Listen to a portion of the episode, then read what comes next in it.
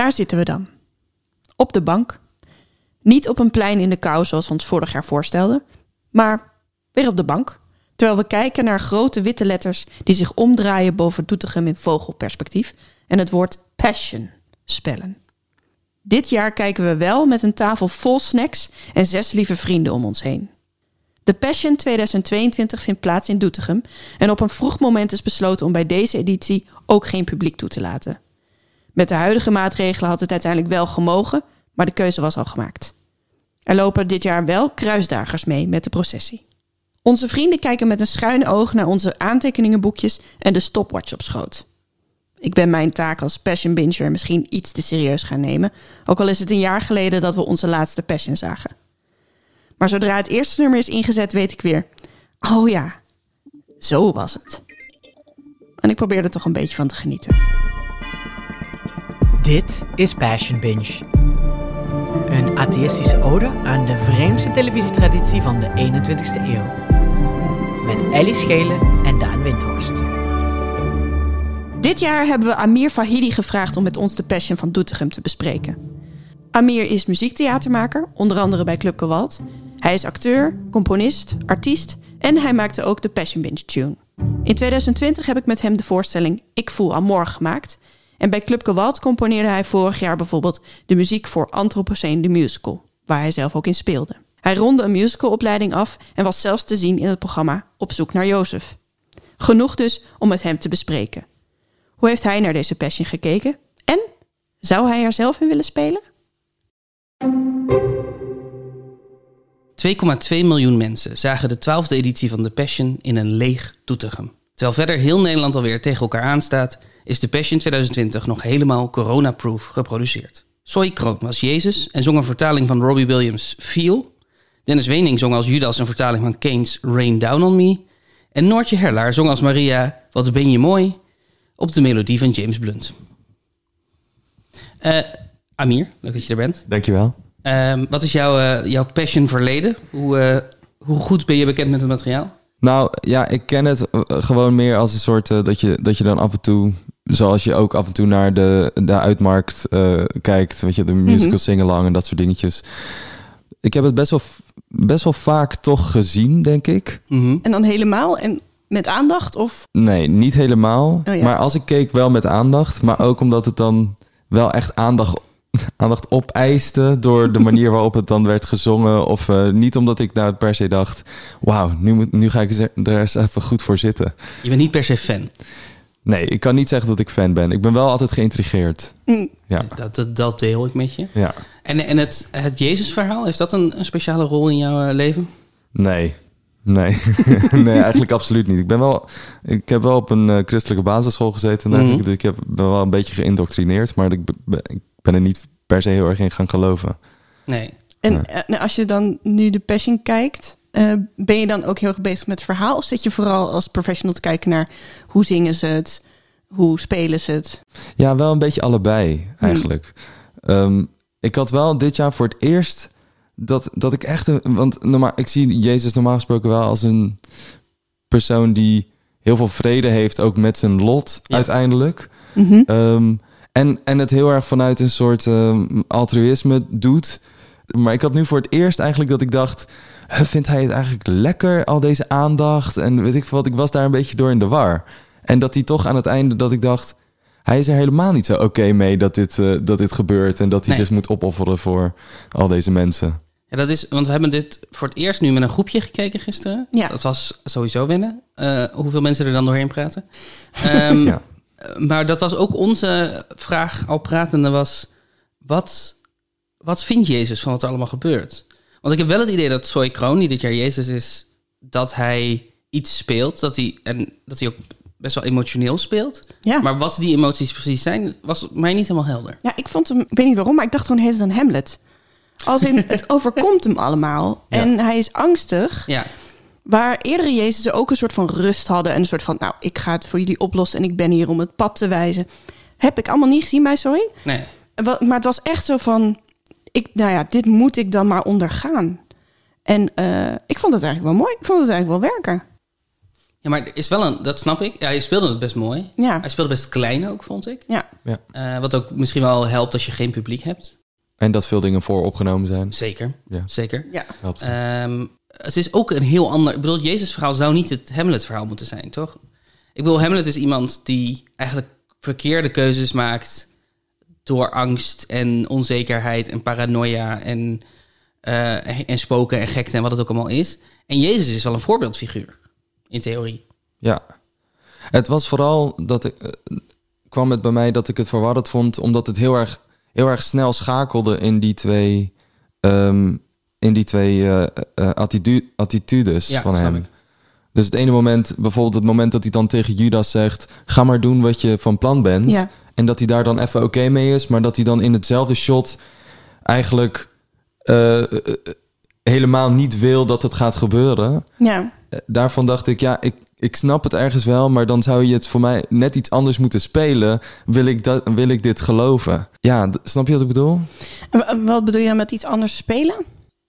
dat ondanks het feit dat je niet wilt dat het gaat gebeuren, dat je wel ergens anders in het verhaal of in je lijn accepteert dat het allemaal moet gebeuren. En Ja. eh, ik dacht de hele tijd bij, bij Soy, dacht ik de hele tijd, oh jij wil gewoon, zelfs tot aan het einde wil je eigenlijk niet dat het gebeurt. Ja, je wil niet dood. Nee, en dat had ik ook in zijn laatste lied, dat ik dacht, oh hij is helemaal niet blij dat hij zich opgeofferd heeft. Als hij op het eh, Ja. gebouw zit of zo. Ja. Op het theater, wat was het? Hij zit op de hoek van een bioscoop, geloof ik. Eh, misschien, nee, ik denk het zal wel het theater zijn waar ook de, de talkshow scène is opgenomen. Oh ja, precies. Ehm, maar volgens, hij zit inderdaad. Het, het is een heel gekke plek, want je kan het als je het ziet in het totaal helemaal niet eh, plaatsen aan dat plein waar de rest van het decor is. Klopt. Opeens is er gewoon een soort hoekje waar hij op de hoek zit. Ook volgens mij zit hij in een tuigje, zodat hij niet van dat, dat dak afvalt. Ik hoop het voor hem. Ik ook, maar het ziet er ook een beetje gek uit. Ja. Hij, hij moet daardoor een beetje gek zitten. Ja. En hij doet die armen wijd, want, dat hij, want hij is Jezus. Maar hij zit ook. Dus het is een beetje een ongemakkelijke ja, positie. ook een beetje met die benen zo wijd. Het is een beetje een Humpty Dumpty eh, beeld. Ja, Toch? Ja. Dat eh, ei. het is een beetje de Humpty Dumpty, het ei dat omviel en toen in, in stukken lag. Ehm, ook, hij kan wel heel goed zingen. Ja. Zeker. Misschien kunnen we een stukje van eh, het Robbie Williams lied eh, Oh ja. luisteren. Ja, dat was wel echt de moneymaker hoor, dat nummer.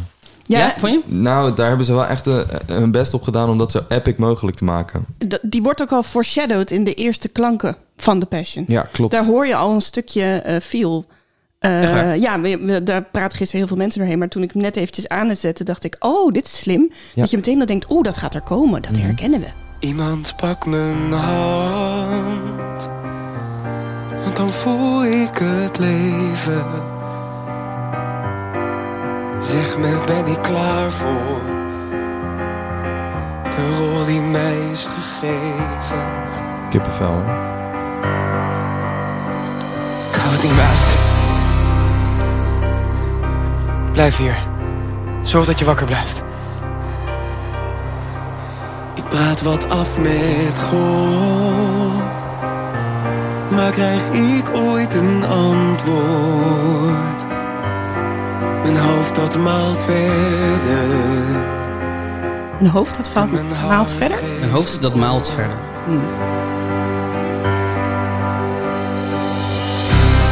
Ja, de climax wordt uitgesteld, hè?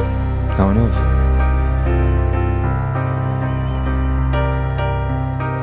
Maar ik zoek het vuur van verder te leven. Ik voel nog zoveel kracht. Is het allemaal bedacht? Of helemaal voor niets? Vader. Vader, zeg dat ik niet hoef te lijden. Ja, het, het is wel een gekke tekst.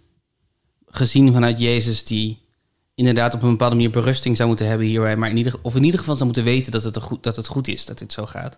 Ik vind het ook heel- grappig, want dat eh, een tijd geleden waarde zij ook bij een talkshow, ik weet niet meer welke, op één of zo of iets dergelijks. Toen ging het ook de hele tijd zo van, ja, je bent de jongste Jezus eh, ooit, hè? En eh, ben je dan, eh, denk je dat je er klaar voor bent? Dus die metalaag van de hele tijd, dat ja. zooi ook dat speelt en, eh, en of je eh, en Jezus, dat vond ik zo'n grappige ehm, connectie de hele tijd, die dan eh, zo Ja. wordt gemaakt. En nadat ik het in dat programma hoorde, kon ik het ook niet meer onhoren eigenlijk. Nee, ja, dat, snap ik wel. ja. Hij, hij is ook echt een beetje de, het, het, het jongetje dat in het diepe wordt gegooid. Ja. ja. Ja, Ja, dus het zou ook raar zijn misschien als hij met zijn jonge eh puppyogen heel erg zou gaan proberen te spelen. Ik heb dit onder controle, jongens. Ik wijs jullie het pad. Misschien hebben ze juist wel ja. De keuze gemaakt voor een heel erg menselijke Jezus, wat wij ook in eerdere edities wel eens hebben gemist. Zo van, gast, je gaat dood.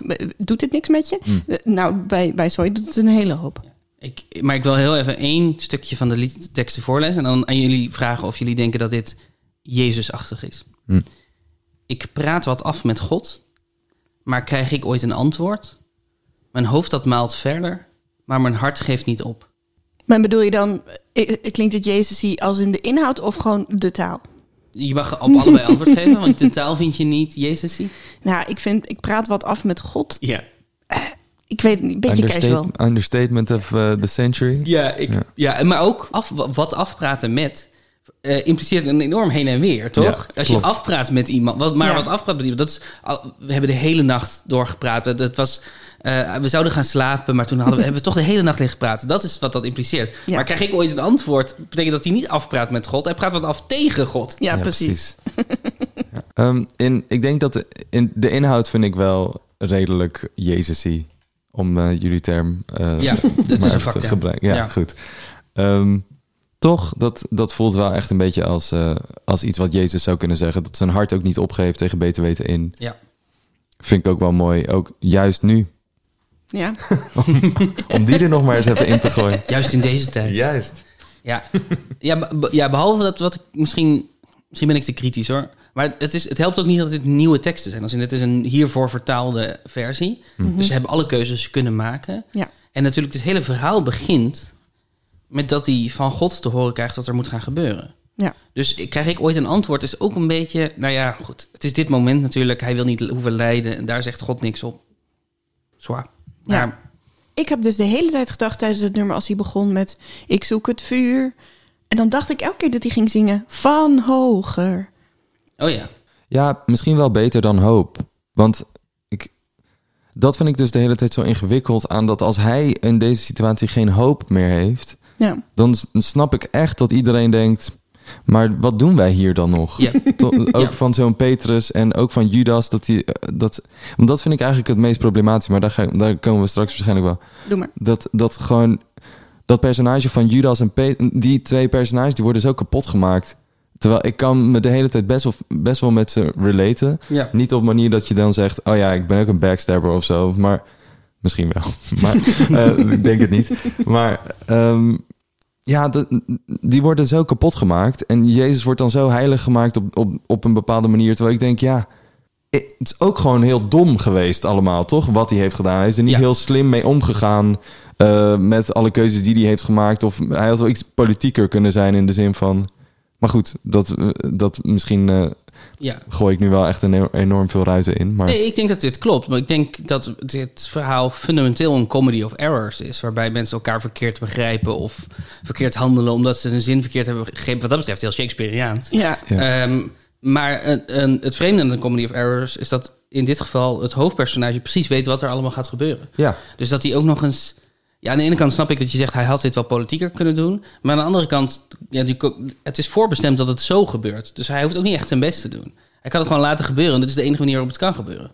ja, maar hij heeft wel echt een doel. Ja, dat klopt. Ja. maar want je zegt Judas en Petrus worden echt kapot gemaakt. Ja. En hoe bedoel je, eh, bedoel je door Jezus? Nee, door de verteller bijvoorbeeld. Of door Mm. de rol die ze de hele tijd toebedeeld krijgen als de verraders. Of, eh, of weet ik veel wat. Terwijl zij proberen gewoon hun hachje te redden. Weet je wel, ze Ja. zijn, zij zijn geen profeten. Zij hebben geen connectie met God. Ja, En, ehm, maar daarin wordt dus de hele tijd soort wat waar het idee wat ik heb van Jezus dat hij ehm, hem mensen de menselijkheid van mensen probeert te omarmen en Ja. juist in hun flaws. En dat miste ik dus bijvoorbeeld heel erg in, in het zien van dit verhaal. Dus dat hij ze dat Soy ze wel degelijk kwalijk nam dat ze, dit, dat ze de, de acties ondernamen Ja. die ze ondernamen. Ja. Ondanks het feit dat hij wist dat het ging gebeuren en dat hij er eh, zegt oké mee te zijn. Ja, ja, ja. Dus dat zit alleen in dat moment dat hij zegt: ga maar doen wat je van plan was. Maar inderdaad, hoe hij zegt tegen Maar dat kan ook heel passief-agressief zijn natuurlijk. Dat is waar, maar hij zegt dat nu niet zo. Ik vond hem best wel hoopvol dat zeggen eigenlijk. Zo Mm. van: "Ga- ga het maar doen. Ja. Zo van: ja, dan, dan, is, het ook maar, dan is het ook maar gedaan. Ja, Maar inderdaad, die, jij gaat mij ontkennen nog drie keer voor de Rijngraad of voor de zon komt. Ik Mhm. weet, weet die zin niet precies. Die komt er wel vrij, vrij fel uit, inderdaad. ja. ja maar die, die, ik, die vond ik ook een beetje bedweterig dit keer. Zo, Luister Petrus, nog voordat de zon opkomt heb jij mij al drie keer verraden. Je bent een vriend van niks. Ja, bitch. ja. En, jij, en jij bent dan de rots waar ik mijn kerk op heb gebouwd? Nou, Ja. dacht het niet. Ja, Maar ook dat nummer wat ze dan krijgen, Judas en, en, en Jezus, wat ze dan krijgen vlak voor zijn. ehm, ja, dat is, dat is. Dat vond ik zo misplaatst eigenlijk. Het is eh, inmiddels eh, sinds een paar jaar traditie dat ehm, eh, Jezus en Judas een nummer krijgen wat eigenlijk een uitmaaknummer is. Ja. Altijd een, een break-up nummer. En in dit geval is het eh, Het is goed zo van Tino Martin. Ja, Wat volgens mij de eerste keer is dat we een Tino Martin nummer in The Passion hebben. ja dat werd tijd toch? Oh. Het werd hoog tijd. Inderdaad. Het idee van een break-up nummer, dat, toen, dat was eigenlijk voor het eerst dat ik dacht, hè, wat voor relatie hebben zij nou? Zijn zij, want zijn ze, ik ging me namelijk oprecht afvragen, zijn zij alleen maar vrienden geweest? Of Mhm. ook liefdes van elkaar? Eh, en komt het daarom zo hard aan? Ehm, snap ik Ja. ging daar gewoon heel veel vragen over stellen. En ik vond dat eigenlijk best wel leuk. Ja, dat ik ik. zo da- daarover ging nadenken over, oh, wat is nou precies die relatie?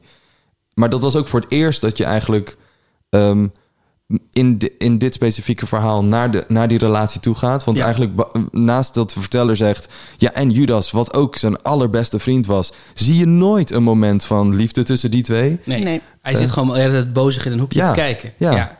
Ja. Daar had ik heel veel moeite mee. Dan, hel- dan helpt het niet dat het Dennis Wening is. De man die mij zou uitleveren is dichtbij. Een entree van niks. Netjes aankloppen op de deur. Wachten totdat de deur open wordt gedaan. Dan komt hij binnen en dan is het nog een tijdje stil. we staan, staan ze oog in oog. De deur is open. Judas komt binnen. Loopt langzaam heen. Ja. Echt een witje. Echt een, gewoon een moment van er is niks aan de hand.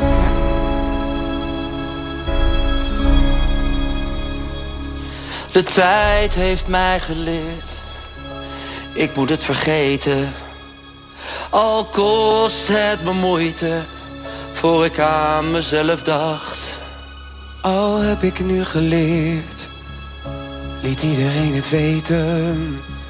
Tot het laatste heb gehoopt op iets dat je tot inkeer bracht. Weet waar je nu staat en dat het niet meer gaat.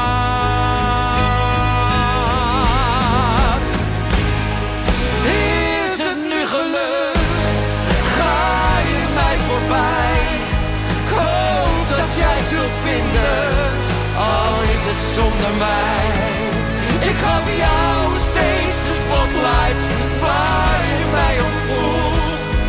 Ik wil er niets meer over horen. We hebben allebei verloren. Het is goed zo. Het is genoeg. Maar wat, he- wat heeft Jezus dan gedaan? Judas is woedend. Zingt alles is nu klaar. Ik wil er niet meer over praten. Je hebt me pijn gedaan en dat duurde veel te lang. Ja, je hebt me pijn gedaan en het duurde veel te lang. ja, ja, ik krijg daar hele dubieuze eh, Ja. gedachten over. Zeker, ja. Ja. Maar inderdaad, wat heeft Jezus dan gedaan? Ik weet, het, ik weet het eigenlijk echt niet, maar daarvoor ken ik het verhaal ook niet goed genoeg. Maar misschien, want het enige wat ik me kan voorstellen is dat hij niet goed genoeg naar hem heeft geluisterd. Ja, volgens je- mij was er op een gegeven moment een soort politieke tweedeling... waarbij Judas een, een andere opvatting had van hoe, we, hoe ze verder moesten gaan. Maar dat valt toch niet helemaal in de categorie... je hebt me pijn gedaan en dat duurde veel te lang. Volgens mij wat, wat er is gebeurd is toch dat Judas hem kwalijk neemt dat hij te soft is, Ja. Jezus, als leider. En dat hij niet zijn verantwoordelijkheid pakt omdat hij zegt, ik ga sterven. Ja, Volgens mij, maar de goed, dat, dat, dat weet ik nu omdat ik eh, alle Passions heb gebinged en er heel veel over heb gepraat. Maar dit zit niet in de Passion. nee. Dit, he- dit hele Het is een opruier, we moeten hem oppakken. Hij, hij doet dingen die raar zijn. Hij- het is eh, iemand die het woord verspreidt waar ook andere mensen boos van worden. Dat zit er gewoon nog steeds niet in de Passion, waardoor je nog steeds denkt... "Wa- waarom is iedereen zo boos op Jezus of zo? En het vreemde is, we hebben dit inmiddels een paar keer wel gezien in Passions. Dat, dat we echt hem een toespraak zagen Ja. houden voor het volk. En inderdaad dat dingen zeiden die misschien wel controversieel zijn. Dat hebben ze er allemaal uitgehaald. Denk deels om ruimte te maken voor een nieuwe scène die dit jaar is toegevoegd. Ja. En dat is Maria Magdalena die de voeten wast van Jezus. Ja, voor het eerst dat Maria Magdalena sowieso erin is gestopt. Klopt. Oh ja? Ja. Oh, dat wist ik helemaal niet. Ja, dit is, dit is. Het is dit keer Kim Lian van der Meij. Ja, nou, ja, ik wil eigenlijk nog een paar dingen zeggen wat ik, wat ik sowieso Mhm. eigenlijk heel, heel erg grappig vond. Ja. Of die, me, die me opvielen. Namelijk dus dat eigenlijk eh, eh, dat hele team van Jezus wordt eigenlijk een soort op, aangekondigd als rocksterren. Ja. ja. Dat Ja. vond ik heel grappig. ja, zeker. Ehm, omdat ik dat ook vervolgens nergens in terugzag. En dat ik het gewoon een hele rare vergelijking vind. Want als er iets soort maatschappelijk... eh, er wordt helemaal niet zo naar rocksterren gekeken... Nee. als zijnde dat die de waarheid Die hebben vertellen. nooit een boodschap. Nee. Nee, klopt. Nee, en Nee, die dat, gedragen zich ook niet echt op hun tour. Over het algemeen. Nee. nee, en om nou te zeggen dat Jezus fucking veel eh, drugs gebruikt... en weet ik veel wat allemaal... eh, eh, alleen maar chicks aan het bangen is als echte rocksterren... Of zo, dat lijkt me een hele rare uitspraak om te doen. Ja. Vooral voor The Passion zelf. Ja. Zeker. Hij wordt, dit keer wordt hij een eh, leider van een rock'n'roll band genoemd. Ja. Wat ook... Ik snap dat ze op een bepaalde manier dingen actueel willen maken. Maar de term rock'n'roll band is ongeveer zo actueel als koningin Wilhelmina. Ja, dat En, en, en meteen daarna, nadat hij dat zegt, knippen we naar de openingsscène... waarin we eigenlijk al die mensen, die vrienden van Jezus bij elkaar zien komen. Eh, en dan hebben ze allemaal spangaskleding aan. Ze zien er allemaal uit alsof ze figureren in het eerste seizoen Spangas. Ja, dat is echt zo, ja. En dan komen ze met z'n allen op die parkeerplaats van de Graafschap... Ja. van het voetbalstadion van de Graafschap. Wat heel rock and roll is, inderdaad. Enorm rock'n'roll. Om op een, op een parkeerplaats bij elkaar te komen. Dan, dan begroeten ze elkaar een beetje. En dan gaan ze allemaal weer weg. Ja. Ja, Wat deden ze daar? Waarom? Want volgens mij wordt er niet eens gewisseld van, van vehicles. Het is niet, niet dat ze overstappen op een bus met z'n Nee. allen. Nee. Ze gaan daar gewoon even heen. nee, dat is eigenlijk het enige moment waaruit je moet concluderen dat ze het heel leuk hebben met elkaar. En dat ook. Judas en, en Jezus nog buddy Maar dat buddy zijn. gebeurt, daar gebeurt het ook niet. Nee. Daar ga- komt hij ook op zijn, eh, op zijn eh, bromfiets. Ja, en dan, zijn motor, ja. Zijn motor. En dan, en dan zitten ze ook een beetje zo eh, moeilijk naar elkaar te kijken. En dan Ja. denk je ook zo van, ja... Ja, maar het is wel een knuffel. We zien wel een knuffel. Ja, maar heel ongemakkelijk voor mensen die zulke goede vrienden zijn, Ja. zouden moeten Ja. zijn. Ja. En dat wordt geïntroduceerd met het zinnetje... We zijn in de Achterhoek. Ze, eh, ze komen bij elkaar. We zijn in de Achterhoek. Dus het zal wel niet met de auto zijn. Nee, wel juist met, wel de, met auto. de auto. Wel met de auto. Wel met de auto. Ja. Ja, maar Dat ik is dacht logischer, ook... ja. Ik, want ze hebben elke keer komen, kom- komen deze discipelen op een andere manier in Jeruzalem aan. Ah. Dus een trein, een waterfiets, een gondel. Ja. We hebben alles al gezien. Waterfiets hebben we volgens mij niet gehad. Eh, Maar Oké, volgend jaar. ja, goed Volgend idee jaar. voor volgend jaar. Dus ze dachten, ja, nou ja, wat doen mensen in de Achterhoek? Rijden een auto, dat is een beetje suf. Weet je wat? We benoemen het. Dan, dan voelt het misschien goed. Dat denk ik. Dat ze het echt, dat ze dachten, we moeten het even Maar iets het over zeggen. Ook vreemd dat er dan iemand op een motor zit. Als ze zeggen dat het... En, en ze zingen Oerend Hart. Ja, Eventjes. Is Ja. Oerend Hart een lied over met de auto, in de auto rijden? Ik had het ook leuk gevonden als het op elektrische fietsen was geweest. Ja. En dan was het namelijk nog actueler.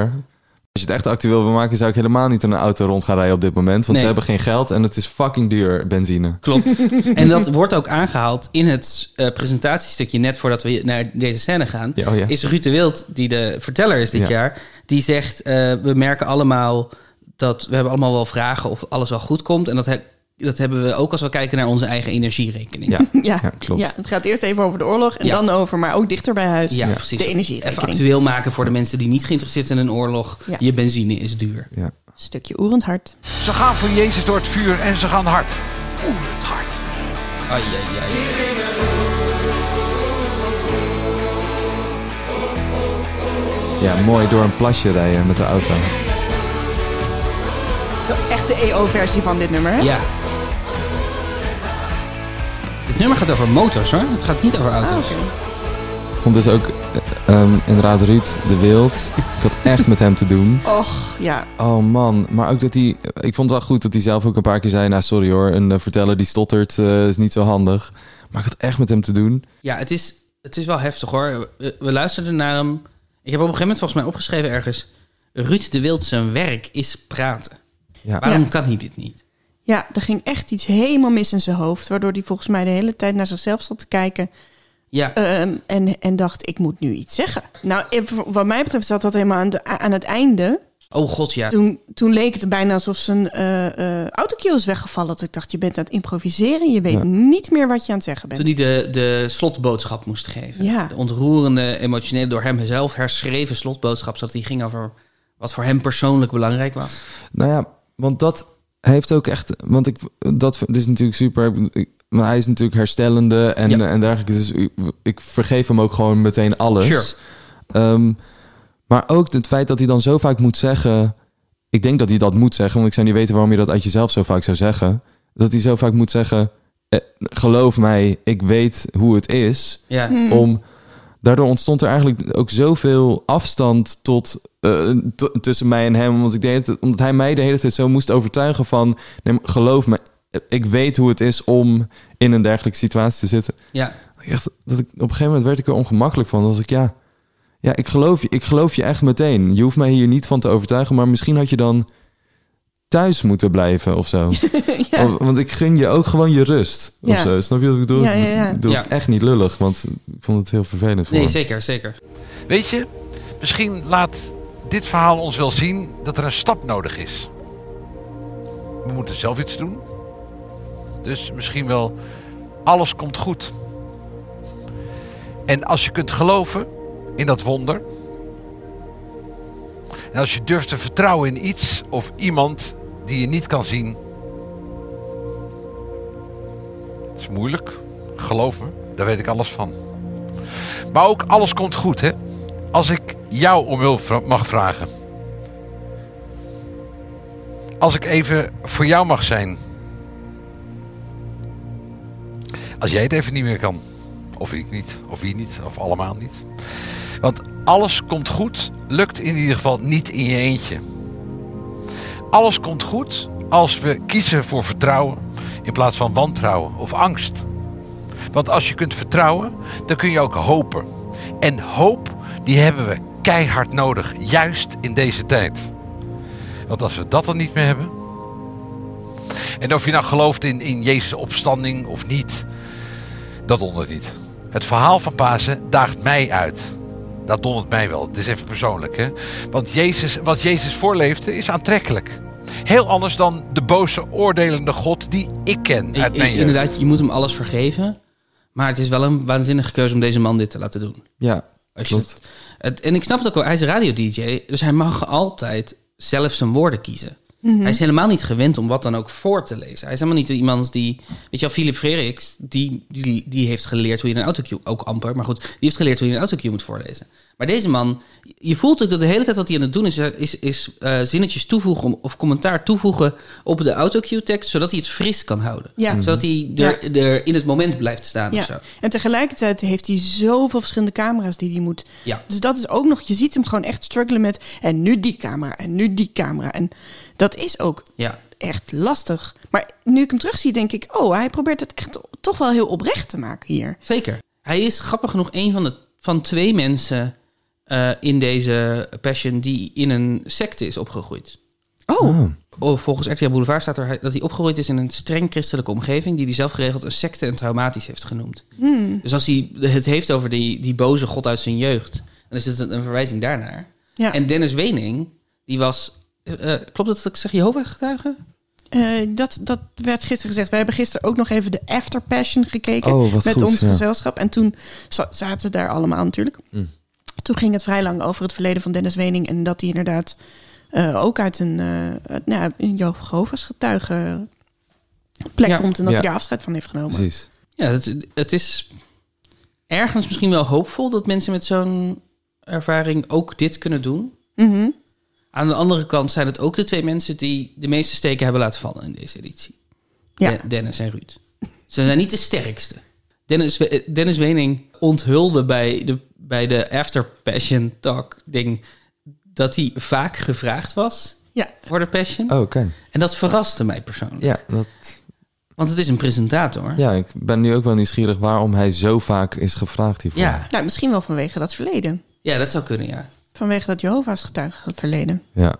Ja, zodat hij er achteraf iets interessants over kan vertellen. Ja, Want hij is niet de sterkste Judas. nee. Hij is niet de sterkste zanger, hij is niet de sterkste speler. Nee. Maar ze hadden hem ook beter het, het verslaggeefgedeelte kunnen laten doen, toch? Of het presentatiegedeelte. Ja. ja. Ik heb ook. Dat was misschien wel een betere keus geweest eigenlijk. Ja. Want dan, dat, was namelijk zijn, dat is namelijk gewoon zijn strong suit. Ja, Ja. En dan kan je alsnog iets vertellen over je verleden. ja Wat, precies. Wat onze Wat Ruud Ruud, ook heeft gedaan. Ja. Jullie zeggen trouwens, eh, herstellende is Ruud. Moeten we dat even uitleggen? Eh, ja, eh, volgens mij heeft hij kanker gehad, toch? Eh, Dat is ook de informatie die ik heb. Hij werd in december eh, kankervrij verklaard. Eh, en keerde na een half jaar ziekteverlof terug naar zijn show op Radio 2. Hm, Eh, darmkanker. precies. Ja. Oh ja. Nou ja, dat is natuurlijk dat is, eh, verschrikkelijk. Ja. Ja. Eh, en ik snap ook wel dat, dat je dat mee kan nemen naar zo'n zo'n rol als wat hij nu doet. En hij heeft ook echt... Want ik denk wel dat hij al die dingetjes zelf heeft toegevoegd van geloof me, ik weet het. Ja, Omdat volgens mij geven ze altijd de presentator de opdracht... maak het persoonlijk. precies. Nee, en, en ik vind dan ook bijvoorbeeld bepaalde dingen, dat, dat viel me echt, dat viel me op, dat soms ineens een soort agenda ook boven komt drijven. Bijvoorbeeld met zo'n zin als, ik heb hem opgeschreven, voor wie een uitkering geen, geen hangmat is, maar een noodzaak. Oh, Ja. echt? Die heb ik ook niet gehoord. Dat zat in het eerste blokje. Da- daarvan dacht ik ineens, nou, wat een rare uitspraak om te doen. Dat is helemaal eh, totaal onnodig, zo'n soort aanname om te zeggen. Natuurlijk, er zullen vast mensen zijn die, er, die ergens misbruik van maken. Maar waarom moet je dat op deze plek? Toch? Of wat Dit we- is een verwijzing, ontdek ik nu, Ah. naar een VVD-verkiezingsposter van de VVD Oh, ja. Hellendoorn, waarop staat: een uitkering is een lekkere hangmat. Dus het is een poging om het actueel te maken. En als je weet dat hij daarnaar verwijst, is het minder een probleem. Maar hoe hij het formuleert, impliceert nog steeds dat er mensen zijn voor wie een uitkering wel een hangmat is. Het klinkt gewoon alsof hij een VVD'er is die, Ja. het hier, die het hier erg mee eens is. Ja, Ja, terwijl die volgens mij wil communiceren... hey, er zijn mensen die het ook nodig hebben voor wie het niet hangmat is. terwijl eigenlijk het voor niemand een hangmat. Dat is natuurlijk wat je Ja. moet zeggen. Een uitkering Ja. is geen hangmat. Nee. Een uitkering is een soort van het minste, het minste dat ieder mens verdient in dit land. Juist. Ja. Ja, dus de, de, gewoon door de, dan zou ik liever willen dat je zegt. En trouwens, om even het actueel te maken, die VVD-poster is natuurlijk idioot. Ja. Want een uitkering is voor niemand. Dan, dan heb Ja. je mij helemaal mee. Ja. Het zou de- heel, wel heel leuk zijn als hij halverwege had gezegd... en trouwens, fuck de VVD. Dan maakt het me sowieso niet meer uit hoeveel foutjes je maakt. Dan ben ik sowieso aan boord. ja, Sorry, ja, we, we, zijn, we hebben een enorme afslag genomen om terug te gaan naar... eh, Maria Magdalena. ja, laten we het even nog even over Maria Magdalena Ja. hebben. Het is een nieuwe scène. Het, het, hij is eigenlijk ingevoegd in een scène die steeds uitgebreider wordt. Dat Ja. is nu, het is allemaal samengevoegd tot één moment in een restaurant. Ze komen binnen. En eigenlijk voordat iemand doorheeft wat er aan de hand is... zit Kim Lian van der Meij de voeten te wassen van Soy Kroon. huilend. Huilend. Ja. Ja, ze komt binnen met een bak water en een rituals eh, pompje eh, met Was het olie. van Rituals? Ja, Oei. of nou ja, in ieder geval die kleur heeft Het zag het. er wel zo Het uit, zag er ja. zo uit. Eh, en eh, ver- ze is erg verdrietig en, en van streek. Welkom. Dank u. Sergio natuurlijk, ja. Maar natuurlijk. Heerlijk. Die hebben het altijd klaarstaan. Ja, dus eh, hij komt uit First Dates, toch? De- Ja. Ah, oké. Ja, nu zien we haar huilend met het pompje. Ja, vanuit het niks komt een huilende Kim Lian van der Meij binnenlopen. Jezus doet al uit zichzelf, probeert hij zijn schoen al uit te doen, maar dat neemt ze van hem over. En hij zit een soort van, wat gebeurt mij nou voor zich uit te staren? Ja. Iedereen kijkt ernaar, een beetje verbaasd. Judas denkt er natuurlijk het zijn ervan. Ze smeert nu de voet in met olie. Ja, en iedereen zit een beetje te kijken van, wat is dit nou? Wat doet ze raar? Dan kust ze zijn voeten. Ongemak. Dennis Wening is in de war. Ze staan op. Ze huilt tranen met tuiten. Wie is nou eigenlijk de allerbelangrijkste in Gods nieuwe koninkrijk? En opeens stelt Dennis Wening gewoon een trivia vraag. Wie de belangrijkste wil zijn, die moet zichzelf op de laatste plaats zetten. En hij moet alle anderen dienen. En wat je voor de minst belangrijke mensen doet, dat doe je voor mij. En niet alleen voor mij, maar ook voor God die mij gestuurd heeft. Ja, dit vond ik dus. Deze scène vond ik dus eigenlijk dat ik echt dacht. Hij is gewoon een hele goede verhalenverteller. Weet je wel, dus dat hij ook hier. Maar niet alleen voor mij, maar ook voor God die mij Mhm. gestuurd heeft. Zo van: Mhm. geloof me, God heeft mij gestuurd. Dat je echt zo denkt: zo van. Ja, maar heeft God jou nu wel echt gestuurd? Nu vertrouw ik. eh, Ik vertrouw hem ineens niet meer hier. Oh ja, ja, ja. En, Oh ja, hij speelt het te veel als iemand die wil overtuigen, waardoor hij niet meer overtuigend is. Nou, misschien ja. Ja. En, en ik bedoel, inderdaad, om nog even terug te komen op die vraag van Dennis Wening. Ik, geen idee waar die vraag eh, situationeel vandaan Nee. komt. Nee, oh nee, dit is niet te spelen, toch? Nee. Ik bedoel, Dennis Wening is een topacteur, maar gewoon uit het niks in deze situatie niet moeten zeggen wat doet zij Nee. of eh, wa- wat gebeurt hier? Waarom was ze je voeten? Ja. Waarom laat je dit toe? Nee, wie is er nou eigenlijk de belangrijkste? Ja, ja, je kan het misschien spelen als een soort van... Hallo, waarom krijgt zij zoveel aandacht? Ja. Maar ze Wie is er nou eigenlijk het belangrijkste? Ja, maar ze krijgt helemaal geen aandacht. Ze begint zijn voeten te wassen. Jezus glimlacht er een beetje raar bij, vind Ja. ik ook. Ja. Hij glimlacht er gewoon een beetje raar bij dat Ja. iemand zijn voeten aan het wassen is. Ik zou er heel ongemakkelijk van worden pers- Ja. als persoon. Ja. Niet als Jezus, want ik weet niet hoe, hoe, ik dat zou, hoe dat zou zijn. Maar, en dan vervolgens krijg je die vraag. Ja. Ja. Ja. En ehm, het, volgens mij wat er gebeurt is... Jezus begrijpt dat Maria Magdalena begrijpt dat Jezus zo meteen gaat sterven. Want daarom was ze die voeten. Ja. Eh, dus daar komt die glimlach vandaan. Een soort van, oké, ik word geloofd door in elk geval Maria Magdalena. Want die ziet, ziet mij voor wie ik ben. En vervolgens vraagt hij, wie is nou de belangrijkste? Zo van, waarom geef je aandacht aan deze eh, eh, Foute vrouw, zoals foute- ze later wordt genoemd. foute vrouw inderdaad? Mhm. Ehm, en dan zegt hij, eh, eh, juist de mensen die het minst belangrijk zijn, alles wat je daarvoor doet, doe je voor mij. En dat was in eerdere versies waren dat vaak kinderen of armen of blinden. En nu is dat dus Vrouwen. Ja, Maria Magdalena, die ook wordt voorgesteld als de financierder van deze band. Deze Eh, tour. De manager, volgens mij. Ze wordt ook geïntroduceerd hier als een sterke vrouw. Sowieso in veel persberichten van tevoren werd al... Er is voor het eerst Maria Magdalena, een tweede vrouwenrol daarbij. Ja. En dan nu, eh, Ruud noemt haar volgens mij er- ergens letterlijk een sterke vrouw. Ja, Dat is Eh, niet te zien. Ze krijgt niks te doen. nee. Is, volgens mij heeft ze letterlijk geen zin dialoog, toch? In het hele ding. Mm, goeie vraag. Want ik dacht dat ze hier iets zei in deze scène. Ja. Maar hier heb ik er ook niks over gezegd. Nee, Nee. volgens mij zegt zij ook niks. En eigenlijk, als ze in beeld is, is ze aan het huilen. Ja, Ja. ja. Want ook in de scène met Maria. ja.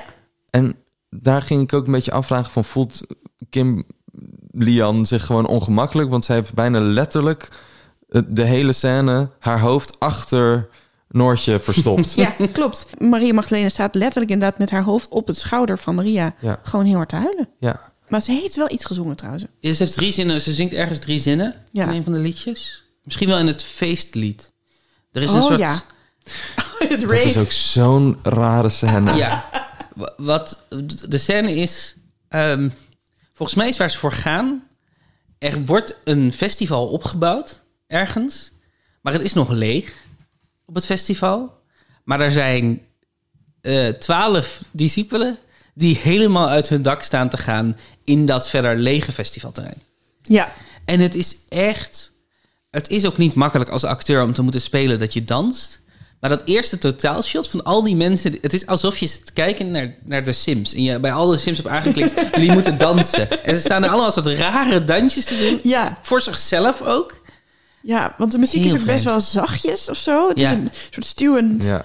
Eh, het is inderdaad een beetje zoals in een theaterscène... dat dan zo de muziek wat zachter is... en iedereen danst in slow motion verder. Ja, het Ja. is ABBA. Het, zeg maar, Mamma Mia. ehm, hebben jullie die wel eens gezien, Nee, die ik heb film? Ja. wel weer nooit gezien. Ja. maar- Nou, dan heb je toch op een gegeven moment dat feest... waarin zij haar vaders ontmoet. Ja, Nou, dan, dan de gimme, gimme, gimme medley. eh, dat ze dan de hele tijd zo een vamp hebben.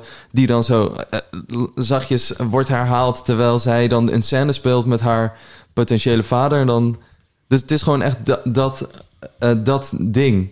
Dat ook de scène tussen Judas en eh, dat wordt dan ook. Daar is het ook situationeel heel raar. Want zij voeren dat gesprek eigenlijk waarin hij tegen hem zegt. Ga maar doen wat je, d- dat je denkt dat je moet doen. ja van wat je van plan bent. Ja, eh, dat gebeurt gewoon midden in de groep. Ja. Maar niemand reageert daar verder op. En vervolgens gaan Ja. ze gewoon ding- zingen met... dit wordt de langste nacht van mijn leven. Ja. Toch, dat is dat nummer. Ja. Laten we even een stukje luisteren. Het, Ja. het is, het is ook een interessante eh, muziekkeuze ook, vind ik.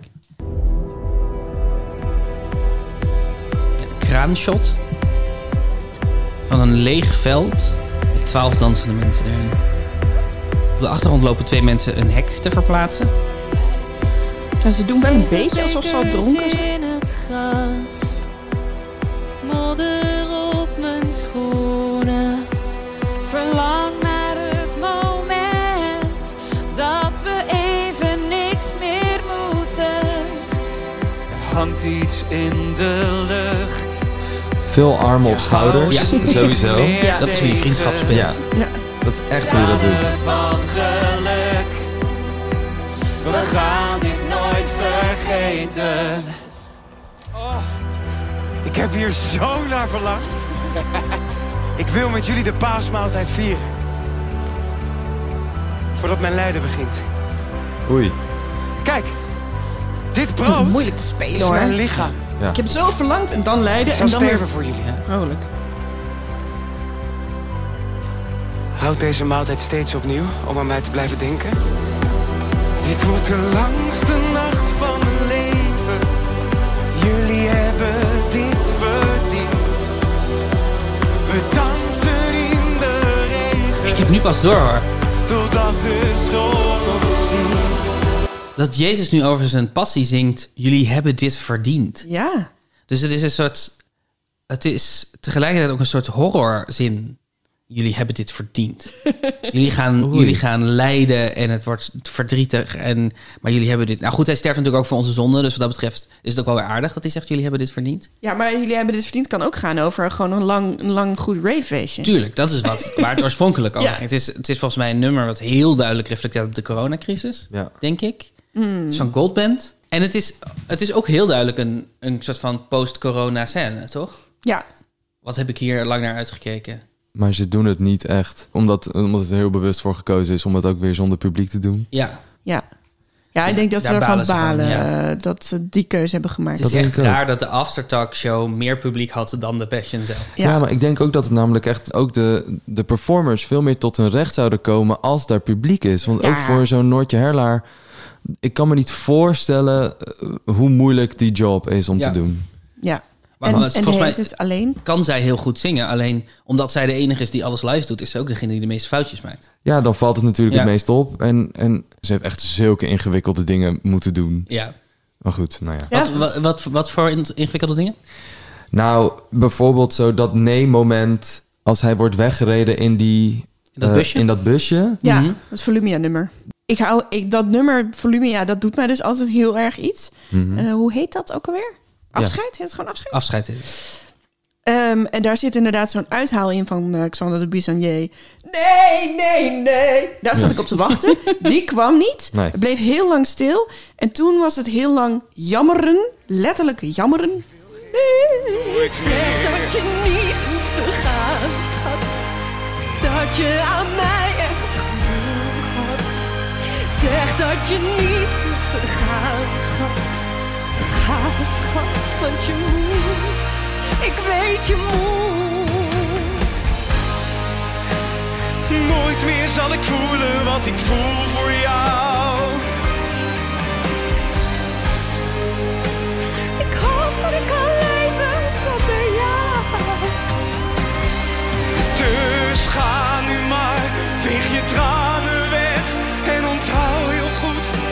dat ik van je hou.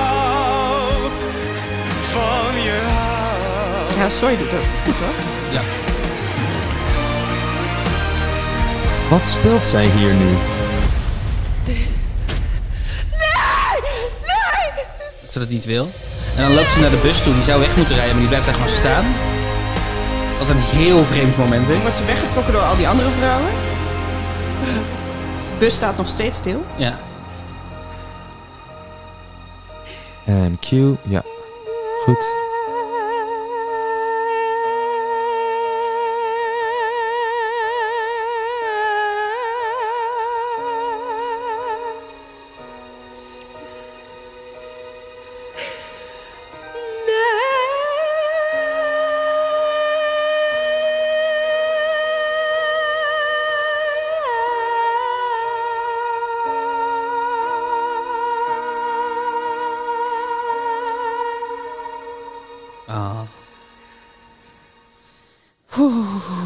Kijk, ik bedoel, los van het feit dat het zangtechnisch niet helemaal soepel gaat. Mhm. Zeg maar, ze hebben een scène waarin hij zegt: Ik ga, ik bedoel, ik moet weg. Zij zegt: eh, Zeg maar dat je niet weg moet, maar ga maar weg. Dan gaat hij vervolgens weg en dan acteert ze dat ze niet snapt wat er gebeurt. En dat als die in de bus wordt gezet, ze dan pas beseft: Ja. Oh my god, hij gaat weg. Ja. Daar snapte ik helemaal niks van. Ja, het is, ze speelt eh, Maar ik weet je moet. Dus ze speelt... Ja, eh, rauw het- Ze speelt rauw, ja, eigenlijk speelt ze rauw. Ja, ze, eh, ze weet dat het niet anders kan dan dit, maar ze wil het toch niet. Maar het is raar hoor, het is een raar moment. Ja, en het zijn ook heft. de- Er zijn er wat zinnen hierin gebleven. Die moeder en zoon naar elkaar zingen. Zoals: Ik wil geen ander nooit meer. En Kan je natuurlijk over je zoon zingen? Ik wil geen andere zoon. Ja, maar volgens mij zingt Jezus dat naar zijn moeder. Oh, dat is raar, ja. Dat is net een beetje dat je denkt, mm, die hadden ze nog wel even mogen aanpassen, wat mij betreft. Maar ik vind dit nummer dus, werkt voor mij helemaal op de teer. Ja, Totdat dat ik dacht, nu komt een nee, nee, nee. En dan komt dit. ja. Dat ze dit haar hebben laten doen. Dat is echt kut. Echt kut, toch? Ja, Jij ja. ging ook weer een beetje sterven toen je dit net zag. Nou, en ik kan me gewoon voorstellen dat je als Noortje zijnde ook echt denkt... oh man, dit is gewoon een artistieke keus geweest van iemand boven mij. Ja. ja. En ik, ik- Misschien hebben ze hier wel... Misschien heeft Noortje zelfs ervan gezegd... weet je echt zeker dat je dit wil? Want dit is niet super mooi. ja. Ja. En dat iemand dan toch zegt... ja, nee, jij gaat dit doen. En dat je dan Ja. ook gewoon als acteur denkt... kutzooi, ja. Eigenlijk mijn, mijn laatste vraag voor dit deel gaat over de keuze van de nummers. Wat we daarvan vonden. Dit is iets wat vaak terugkomt in de podcast, maar op het gebied van Nederlandse nummers wordt de keuze steeds beperkt. Dus ze willen zichzelf niet per se herhalen. Mhm. Er zijn een paar redenen waarom je een paar artiesten niet meer zou willen terughalen nu, die De hofleverancier is weggevallen. Ja, de hofleverancier is weggevallen. Oh, ja. Ja. Ja. ja. Eh, dus qua Nederlandse nummers hebben ze niet heel veel keuze. Maar vorig jaar hebben ze ervoor gekozen dat ze ook Engelse nummers gingen vertalen. Waarmee ze opeens natuurlijk een gigantische mogelijkheid hadden om te kiezen. Ja. You're Beautiful van James Blunt. is, de, is de allereerste Engelstalige nummer in deze... Dat is toch een rare keuze? Dan de vertaling Ja, inderdaad de vertaling. daarvan. Dat is toch een rare keuze? Ja, los van het feit dat je natuurlijk James Blunt sowieso altijd een rare Ja. keuze zou Ja, het zijn. is inmiddels een grap. Ja. Het is altijd een grap als James Klopt. Blunt. En Dat weet hij zelf ook. Dat, dat, daar, en hij zelf is daar de grootste eh, supplier van, inderdaad. Ja. Ehm, Ja. Het is echt een soort... Want dus we hebben wat, eh, James Blunt. Ja. We hebben Kane. Ja, dat vond ik vet. Ja, dat vond ik wel erg hoor. Dat was gewoon, maar dat was gewoon spierballen.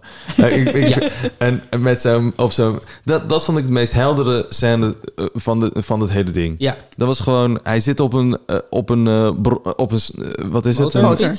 Ja, Ja. zo'n cross eh, Mhm. En eh, wij zijn zo cool. Crossding. Ja, Zo'n crossding. crossding door de modder. En dan stapt hij daaruit. En dan wordt dan met, een, met, een, met zo'n drone Ja. wordt er naartoe gevlogen. En elektrische gitaren. En het is gewoon altijd grappig als Judas met elektrische... Judas Ja. wordt nooit met strijkers. Nee. Eh, Nee. eh, vind ik jammer. Maar... eh, eh, Old dat- school testosteron. Juist. Ja. En, en gewoon... Ik bedoel, daar wordt het voor het eerst een rockband. ja, Ehm, ja, fair enough. Ik weet niet. Op de een of andere manier... Dat nummer is wel gewoon een goed nummer. Snap je wat ik Ja, bedoel? dat snap is- ik heel goed. Ja, het dat snap is- ik heel goed. Het is ook wel een beetje zo van... Het zou heel goed je guilty pleasure kunnen zijn. Dat je denkt zo van... Oh man, het is Kane. Maar Ja. ja, het is wel vet hoor. Ja. Wat, wat, wat zingt hij nou ook weer in dat Ja. refrein? Leg het maar, eh, leg het maar neer bij mij. Ja, dat vind ik dus ingewikkeld. Want ik vind dus, ik snap wel dat je als Judas zou zingen... Let it all just rain on me. Zo van, Ja. ik ben wel de bad guy. Ja, ja, ja. Maar leg het dan maar neer bij mij. ja. Heeft voor mijn dek niet die lading. En het, voelt zo gek om me dan van een Nederlandse artiest... die voor kiest om in het Engels te zingen... dat te vertalen naar het Nederlands. Ja. Dat, ik, ik ben het met je eens, het is een vet nummer. En Dennis Wening komt er soort van wel mee weg. Maar die taal, die vond ik daar Dat echt snap lastig. ik. Ja, dat snap ik. Ik vind ook zijn Haagse accent gewoon zo chill. Al is het voor een dag, al is het voor een nacht. Het is echt... Ik kan net doen of dit alles is waar ik voor leefde. Maar kijk voorbij mijn lach. Hogeschool acteren door tegen Kijk bomen aan te staan. ja. En ook dat hij zegt, kijk voorbij mijn lach. Echt wat je bedoelt. Ja. Die lach die we zoveel van hem hebben gezien. Ja. Zijn. wel goed. Het is lekker nummer. Het is fijn. Ja, het is echt belangrijk om zo'n soort nummer te hebben in deze set. Ja.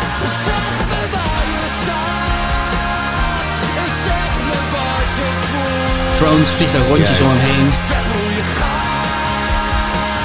Deze drummer ook. Genieten.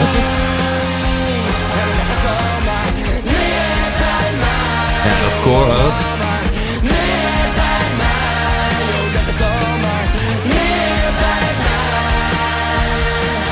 En om even bij, bij Judas te blijven, was het ook wel die, die scène in Pauw, dat hij op een gegeven moment zegt, ik heb spijt. Ja, Eh, kunnen jullie die nog voor de geest halen? zeker. Zeker. Eh, sowieso moeten we misschien het nog even hebben over Jeroen Pauw, zijn ja, rol in de de, tafel Passion. Pauw, zeker. Goed, normaal is het, is het moment waarop Jezus wordt... eh, dat Jezus bij Pontius Pilatus komt, Ja. is een, een, een tribunaal Ja. eh, voor, op een groot podium voor een publiek. Nou, dat kon nu niet, er was geen publiek. Dus wat, wat is het tribunaal vandaag de dag? Trial by media. Een aflevering van eh, De Tafel van Pauw. Ja. Wat volgens mij een echt programma is wat Jeroen Pauw nu maakt... nu hij niet meer eh, elke dag talkshows maakt. Ah ja. En er is iets heel bizars aan hoe, hoe volledig naturalistisch Jeroen Pauw dit doet. Ja. En dit was voor mij het hoogtepunt van de Passion. De tafel van Pauw. Laten we even een stukje luisteren. Veel plezier allemaal. We gaan er even wat moois van maken. Goed, ja. Goedenavond. De tafel van Pauw staat vanavond in Doetinchem. Na alle onrust van afgelopen week is er ook tijd om nu de balans op te maken. Is er deze week een potentiële staatsgreep verijdeld? Of hebben we te maken met een historische vergissing? Het is duidelijk dat de onverwachte arrestatie van de zeer populaire Jezus van N... om een reactie vraagt van zowel de politiek als experts op het gebied van terrorismebestrijding en criminaliteit. Vanavond zal hier in de Achterhoek gouverneur Pilatus zich voor het eerst uitspreken. Opiniepeiler Gijs Rademaker heeft het sentiment van de samenleving rond deze controverse gepolst. En Justine Marcella heeft als Koningshuisdeskundige een aantal brandende vragen. En zo ook misdaadverslaggever Kees van der Spek. Hij denkt er het zijn ervan. Goed, en kijk, daar is dan de man waar het eigenlijk een beetje over gaat vanavond. Onze hoofdgast voor vanavond. Niet een beetje. Eh, Jezus van N. Welkom allemaal. We gaan beginnen. Ja, hij doet het zo Ja, goed. hij doet dit zo goed. Hij, hij, is, hij, is gewoon, hij zit gewoon zijn werk te doen. Ja. Goed, fijn dat jullie er allemaal zijn. Fijn ook zeker dat, eh, dat u er bent. Want u zult begrijpen dat er zowel hier op tafel als ook in het land nogal wat, eh, wat, wat vragen zijn die graag eh, beantwoord worden. We hebben een heel rijtje gemaakt en misschien is het aardig, Kees, als jij even begint. Ja, ik heb gehoord dat u het volk in opstand wil brengen. Sorry, kijkt heel sceptisch. U zegt de mensen dat ze geen belasting aan de keizer moeten betalen. Ik heb gehoord dat u zegt dat u de beloofde koning bent. Dat is toch een aardig rijtje eh, beschuldigingen, alles bij elkaar. En die vormen een behoorlijke bedreiging voor de rechtsorde. Gouverneur Pilatus, wat is nou de belangrijkste vraag waar u op dit moment antwoord op zou willen hebben? Zeg me, bent u de koning van de Joden? U zegt het zelf. Het is, het is, maar ik, ik snap dat jullie zeggen dat hij het heel goed doet. En hij doet het ook heel goed. Maar al het andere acteerwerk wordt zo vreemd... door het feit dat Jeroen Pauw daar zo ontzettend zichzelf is. Mhm. Dus het is, als, het is alsof je naar twee totaal verschillende voorstellingen zit te kijken. Dus Ja. je hebt dat soort ongelooflijk theatrale musical acteren... met ook die teksten die heel... eh, er zit heel veel betekenis in één zin. Dus er zit nooit ruis omheen of zo. Het zijn allemaal van die kernzinnen. Ja. Eh, u zegt het. En dan Jeroen Pauw... Nee, maar dit is wel gek wat je daar zegt. Een soort van totaal Ja. andere code. Ja, ik vind, maar ik vind, het, ik vind dat ze ermee wegkomen. Want het, is, het zijn exact dezelfde vragen die normaal Pontius Pilatus tegenover het publiek aan Ja. Jezus vraagt. Die hebben ze nu verdeeld over een koningshuisdeskundige en iemand. En dat zijn volgens mij geen acteurs, maar Nee, gewoon nee, nee, dat eh, dat- daadwerkelijk eh, ze zeggen dat ze deskundigen. zijn, ja. En dat is echt heel moeilijk voor hun om die vragen te doen. En ik, ik, ze komen ermee weg. Ik vind het werken. Ik vind het actueel gemaakt. En Jeroen Pauw, die praat het aan elkaar alsof hij gewoon zijn werk zit te doen. Voor mij dacht ik echt, wat? Dat dit gaat werken, had ik echt nooit verwacht. Het is niet dat, ik was er niet tegen, maar ik vond het zo vreemd. Het was een beetje kortstroom, vond ik. Hmm, ja. Dat je bij The Passion in slaap valt en dat dan daarna Jeroen Pauw zijn programma begint, maar dat omdat je nog aan het slapen bent, dat die twee dingen in elkaar overlopen. en dan word je wakker en dan denk je, wacht, Jeroen Pauw vroeg aan Jezus van Nazareth wat, Ja. wat er waar is van de beschuldigingen. Ik vond het heel vreemd. Ik, ik zat gewoon te fantaseren over hoe cool zou het zijn als Jezus... eh, want aangezien hij de hele tijd toch speelt van... kutzooi, ik wil dit eigenlijk helemaal niet. Mhm. eh, eh, dat hij, dat hij dan gewoon hier echt even zijn case zou Ja. maken. Ja, En zou zeggen, dat, is, dat, Ja. dat heb ik nooit gezegd. Dat zijn interpretaties. Weet ik Ja. veel, dat gewoon een heel goed verhaal zou Ja. komen van Jezus... Waar, waar Pilatus dan van denkt... Holy fuck, deze guy spreekt gewoon de waarheid. En Ja. vervolgens dat hij dan moet kiezen omdat het volk zegt... we moeten hem kruisigen. Ja. Dan heb je ook een, een, een tragedie te spelen als Pilatus zijnde. Maar nu is het gewoon zo van... ja, die guy die, die heeft maar één agenda... namelijk het volk blij houden. Barabbas is gewoon een lul. Die komt hem nog een kus geven. Dat je denkt, wat de fuck? Eh, ga weg, ik ken jou niet. Eh, ik heb niks opgebouwd met dit personage. Nee. En ze, ze geven hem zoveel kans om... Of ze geven zichzelf een- de kans om een heel mooi verhaal te vertellen... Ja. door zo'n soort keuze te maken. En dan, kies, en dan vullen ze die gewoon niet in. Nee. En, Hmm.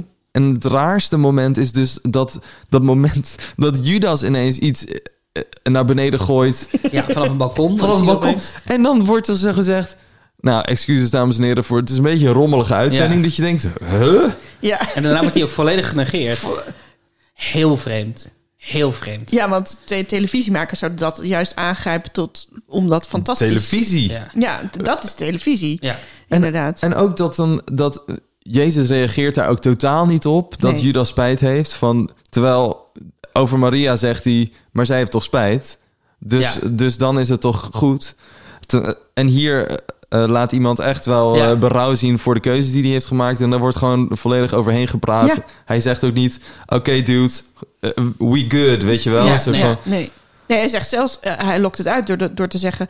eh, degene met de grootste schuld is die mij heeft uitgeleverd. Ja. ja. Eh, en dan, daar reageert Judas op met... ik heb een fout gemaakt. En dan is het gewoon... Het, verdwijnt. ja. verdwijnt. Een van de dingen die ik wel echt ook problematisch vond, was toch weer iets wat Ruud zei.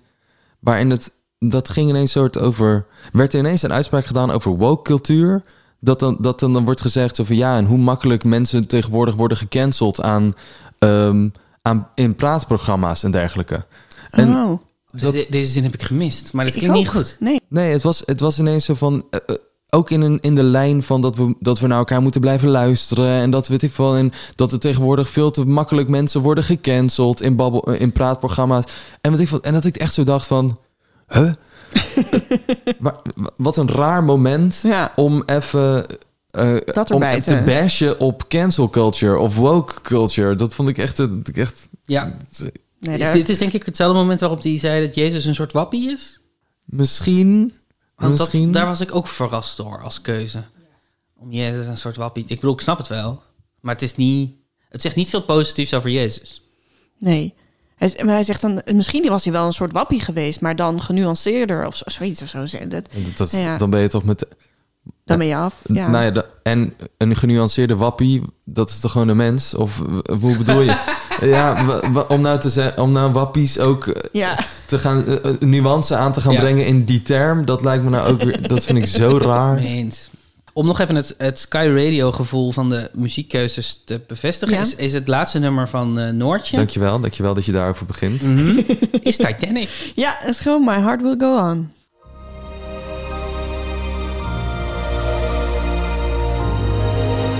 We hadden wat suiker op, hè? Nou, nou.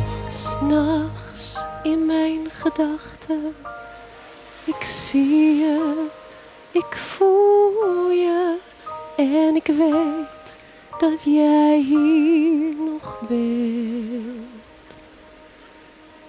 Van een eindeloze afstand roep jij me, ik hoor je, je zegt me dat jij hier nog bent. Zeg me dat jij hier nog bent.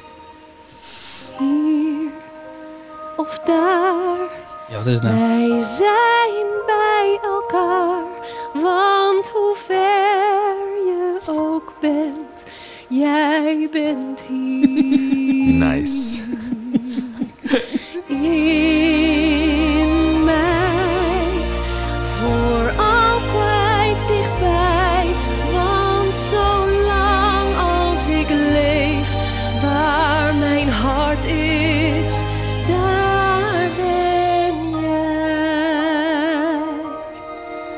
of daar, we zijn bij elkaar. Want hoe ver je ook bent, je bent hier.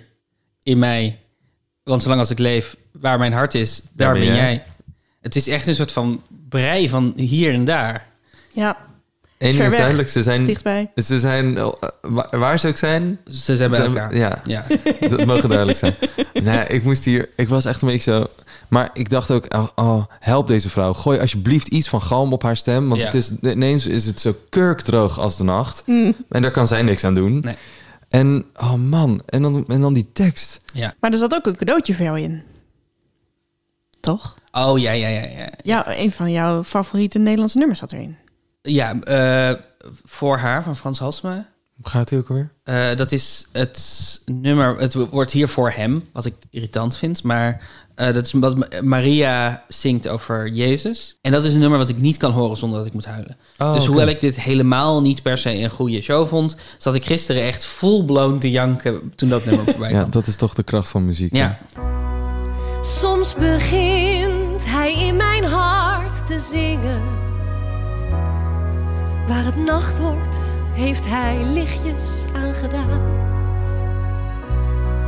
En door hem weet ik dan door te dringen. Maar dit kan zij ook echt goed. toch? Dat- zeker. Tot de onvermoede schat van ons bestaan. Het is echt belachelijk. Maar... Zo alleen maar. En wat is het dan dat je zo raakt? Ik denk dat ik hem ook een keer op een begrafenis heb gehoord. Ah, ja. het is ook zo'n begrafenisnummer. Fysieke herinnering. Ja, maar het is ook. ehm, er zit een soort, soort heel naïeve, maar heel eh, pure definitie in van wat het is om, eh, om met iemand te zijn. Precies. Eh, dus ze hebben die, die tekst een beetje aangepast omdat het moest rijmen nu op hem in plaats van haar. Mm. Ja. Maar oorspronkelijk is het zo alleen maar wil ik verder leven schuilend bij elkaar. En als ik oud moet worden, dan alleen met haar. Ja, precies. ja, nee, ja, ik moet weer huilen. Oh. Ja, ik had het dus nog wel eventjes bij de Oekraïne mevrouw. Daria. Eh, Daria. Daria is echt een, eh, een soort van. Bijna een soort clichébeeld van hoe je eh Oekraïense vrouwen voor je ziet. Ze is echt. Ze is blond. Ze is heel knap. Ja. Ze, heeft, ze is gekleed in een soort, soort wit colbert. Ja. Of een, een soort, soort heel Ze had zich echt mooi gemaakt. super stijlvol ziet ze eruit. Ja. Eh, En ze praat zo mooi Nederlands. ja. Ja, sorry, maar ik wil dat toch ook nog even... Want ik vind het dan zo irritant... dat dan een soort... Los van de inhoud en dergelijke... Mhm. Van, want toevallig bij die aflevering van Rick... Mhm. daar gaat het dan ook over... we hebben hier Hu- Huppelepup... Hij is een vluchteling uit Syrië en woont al zes jaar in, eh, in Nederland. En, en wat doe jij allemaal voor mooie dingen hier in Nederland? En dan, dit is dan weer hetzelfde. Zo, ja, ze is zes jaar geleden gevlucht uit eh, Syrië, eh, of uit, eh, uit Oekraïne. En, eh, dit, en dan denk ik echt, oh my god, dit is gewoon het beeld wat wij hebben van soort hoe, hoe je goed moet, Ja. hoe je goed integreert in, Ja. in Nederland. En weet ik wat, oh, daar vond ik, word ik zo cynisch van. Ja, ze is een model, eh Ze modelvluchteling is, bijna. ze is mo- ja, zo op meerdere definities van zo'n model is een modelvluchteling. Ja, gewoon Ja. eh, allemaal dingen waarvan je kan zeggen... kijk, het kan ook wel goed, snap je? Ja. Dat, je dat, Ja. dat je dat soort dingen... maar goed, dat, los van, dat is mijn irritatie... los van de mooie dingen die, die er ook zijn in de wereld. Ik zeggen. denk dat het een heel goed punt is. Ik denk dat het. Kijk, ik snap heel goed de intentie zo van. We willen mensen een positiever gevoel geven bij vluchtelingen. Ja. Dus we willen menselijke vluchtelingen neerzetten. Maar het is niet zo dat, dat het belangrijk is om vluchtelingen te helpen omdat ze goede mensen zijn. Of omdat ze beter zijn dan wij zijn of wat dan ook. Nee. Het is onze, eh, onze eh, plicht om vluchtelingen te helpen vanwege de situatie waar ze in zitten. Ja. En dat mogen ook nare mensen zijn. Het mogen ook Ja. racisten zijn of luie mensen of nee, noem het Nou ja, allemaal maar mensen die gewoon met een enorm trauma rondlopen Ja. en dus enorm in de war zijn. Het, Ja. gaat, Maar het gaat dit- gewoon maar- over ja. mensen helpen. En dan maakt het niet uit wat voor mensen dat zijn. Ik ben het helemaal met je eens. Ja, snap ik. En iemand eh, voor wie dat ook zeker geldt, dat is Daria. Daria woont al zes jaar hier in Doetinchem, ehm, maar komt uit Oekraïne. Even kijken waar ze is hoor. Hi Daria. Dat is een soort engel. Hi. Doemt ze Fijn op. dat je er Ja, bent. Jouw familie woont in Kharkiv. Ja, Hoe gaat het met hen? Met mijn familie gaat het relatief goed. Iedereen is nog in Oekraïne. Eh, ze zijn op zoek naar een veilige plek in hun dorp. Ja. Maar helaas, ze willen niet hier komen. Ze willen bij elkaar blijven en hopen dat oorlog snel voorbij is. Jeetje, ik moet zeggen, dat raakt me wel hoor, als je dat zo zegt. Hoe is het voor jou om ja, nu niet bij hen te kunnen zijn? Nou, toen de oorlog begon, kon ik het niet geloven dat ik de berichten zag van mijn familie. Ik had veel verschillende gevoelens als angst, onbegrip, verdriet. En de engste gevoel was gaat. Ja, dat vond ik dan stiekem toch grappig. Fysiek dat ze ben ik gaat hier in zeggen in plaats van haat. maar mentaal daar bij mijn familie in Oekraïne. Ja. Ja, ik weet elke dag van mijn familie dat ze, dat ze veilig zijn. Ja. Maar op een moment, ik begrijp, ik moet stoppen met vragen, maar moet dankbaar zijn voor hun veiligheid. En dat deze negatieve gevoelens maakt mij niet sterker. En van de plaats van gaat, ik heb voor de liefde gekozen. Nou, dat vind ik heel mooi dat je dat zegt. Ja. ja, wat doet het met jou? Wat betekent het voor jou dat je nu hier vanavond samen met deze anderen met het verlichte kruis mee mag lopen? Ja, dan wordt het toch wel weer zelfpromotie. Ja, Ja, toen- goed van ons, hè? Toen was ik echt boos. Toen dacht ik echt, godverdomme, het enige moment dat ik even breek, omdat ik denk, zo, oh ja, waar zijn we mee bezig? Wat er gebeurd in de wereld? En meteen eh, krijgt Sosja Duisker de opdracht om, ja, maar we zijn wel de passion aan het doen en het is wel een Nederlands ding. En, eh, dus we gaan het nu daar weer over hebben. En dat vind ik, toen dacht ik, wat is dit toch voor een absurd programma? Totaal. Totaal, Totaal bizar. absurd programma. Ja. Echt een absurd programma. Ik weet niet of dat vroeger wel zo was, maar dat, met dit soort items eigenlijk. Bij, want hebben jullie toevallig eh, het kerstverhaal gezien met Scrooge? Nee, die, die staat wel op mijn lijstje. Ja, maar- dat is eh, jullie volgende podcast Ja, volgens precies. mij. Want oh my god, wat valt daar heel veel over te zeggen. En daar wil ik ook heel graag eh, eh, voor de eerste aflevering, die hebben we namelijk gezien, eh, eh, langskomen. Maar ehm, eh, daar hadden ze gewoon, gingen ze gewoon bij mensen thuis, hadden ze film, echt filmpjes gemaakt dat ze, dat ze zo bij iemand Mm. die, dan, die dan aan het vertellen was over, ik moet... eh, ik heb zoveel, eh, eh, zoveel geld voor een week. En aan het einde van de week heb ik, als ik het goed aanpak, heb ik 1,20 euro over. Dat gaat dan in de spaarpot. En ja, als je, d- dan ben ik gewoon weg. Snap je? Dan Tuurlijk. ben ik gewoon aan het. Bij elk filmpje ben ik aan het huilen. Ja, ja. Omdat je, dat is zo'n privilege check. En zo erg zo van, holy, holy fuck. Weet je wel, oké, ja, wij hebben een hoge rekening, maar zij, is, gaat, ge- zij sterft gewoon als ze, eh, als ze net iets duurder wordt Ja, als ja. ze, eh, dan Ja. dat je denkt, oh my god. Maar, maar dat doet me dan zoveel meer, omdat je een daadwerkelijk inkijkje krijgt in iemands leven en ook Ja. hoort wat hij allemaal aan het doen is en of dat ze dan zo, ja, dan koop ik een speelgoedje voor zijn verjaardag, weet je wel, voor een kind van acht. Nou ja, ben ik ook een beetje terug in mijn eigen jeugd. Weet je, da- en daardoor gaat het dan ook een beetje zo van, oh my god, ja. de- Ja, dan wordt het gewoon concreet. En Ja. is er de tijd gem- gemaakt voor die mensen om concreet te worden. Terwijl tijdens zo'n zo'n processie... Ja, het is gewoon niet te doen om iemand eh, te interviewen... en tot een kern te komen die meteen ook tot de verbeelding Nee, spreekt. het, is, het is een onmogelijke vorm en, en hij zal daar altijd in blijven, want ze kunnen het er niet uitslopen. Nee. Eh, maar het is, ja, het is eigenlijk zonde van alle tijd en moeite die erin zit. Ja, want als iemand het goed doet, zoals zo'n Daria... dan voelt het dus ook meteen wel heel erg voorbereid... en als een PR-praatje bijna. Ja. Een soort van, oh ja, dan, dan, dan even over die liefde en die haat... en dan zo. Ja. Ja. Ja. Ehm, als laatste misschien over het thema, op het thema nog even reflecteren. Het thema alles komt goed? Vraagteken, uitroepteken. Ja. Ja. Nee, ik moest daar heel hard om lachen toen ik dat las van tevoren. Ehm, omdat vraagteken, uitroepteken, thema's, eh, wat mij betreft, afgeschaft mogen worden. Eh, Ja. Want wat zeg je daar nou mee? En eh, toen ging Ritueel het ook nog heel lang uitleggen. Zowel aan het begin als aan het einde ging het de hele tijd weer over... moeten we dan misschien een vraagteken achter? Of nee, we gaan er misschien toch een uitroepteken voor maken. Ja, en de conclusie aan het eind is ook, misschien moeten we het er allebei achter. Misschien, is het, misschien moeten we er wel zo naar kijken. Alles komt goed, vraagteken, uitroepteken. Dus we hebben eigenlijk geen enkele ontwikkeling doorgemaakt in het hele verhaal. Dat sowieso. Ja, ik snap ergens, alles komt goed wel als... Nou ja, het is natuurlijk echt Jezus een verhaal. We komen in de hemel terecht hierna. En dan komt alles goed. En ik snap ook dat, je, dat ze- wat ze ieder jaar doen is de Passion precies eindigen op het punt dat je je kan afvragen of het verhaal hier eindigt of niet. Dat daar Mhm. het verschil zit tussen de gelovenden en de niet-gelovenden. Dus wat dat betreft is inderdaad alles komt goed, is Ja. dan het einde. Maar waarom is dat niet gewoon komt alles goed? Of, of, of, of, of is het ehm, het thema is happy endings? Nou, dat is misschien te. Ik zou gewoon alles komt goed, maar dan niks erachter. Ja, maar ik weet ook niet of, je of een statement een thema is. Ja. Dus verbondenheid is een thema. Eh, oorlog en vrede is een thema. Ja. Eh, eh, pijn en hoop is een wat vreemd thema. Alles komt goed is een statement. Ja. En ook nog een heel algemeen statement. Nou ja, en het past heel erg bij natuurlijk het afsluiten van de coronajaren. Ja. Maar is het goed gekomen? Eh, of ben ik dan te cynisch? Want we hebben ook gewoon... Nou goed, daar gaan we het straks natuurlijk over hebben. Uh-huh. Maar we hebben ook gewoon helemaal niks geleerd. Snap Ja. je? En ik, Ja. ik zit gewoon over na te denken... moet dat woordje goed niet weg? Dat je Alles gewoon, komt. Alles komt, punt, punt, punt. Ja.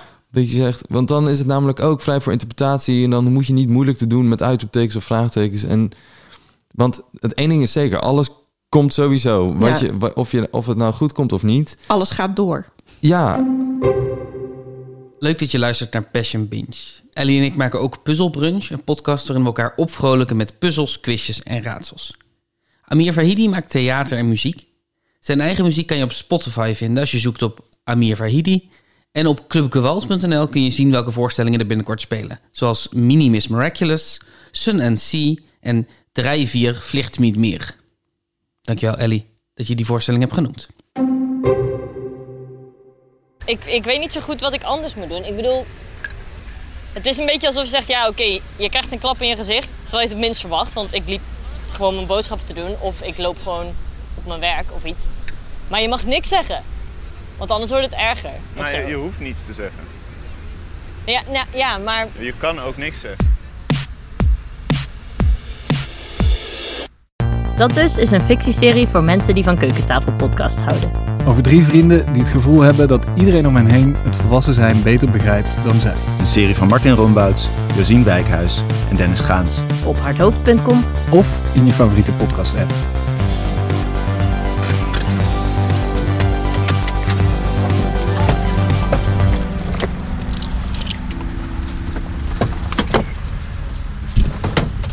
Zullen we nog ergens wat gaan drinken?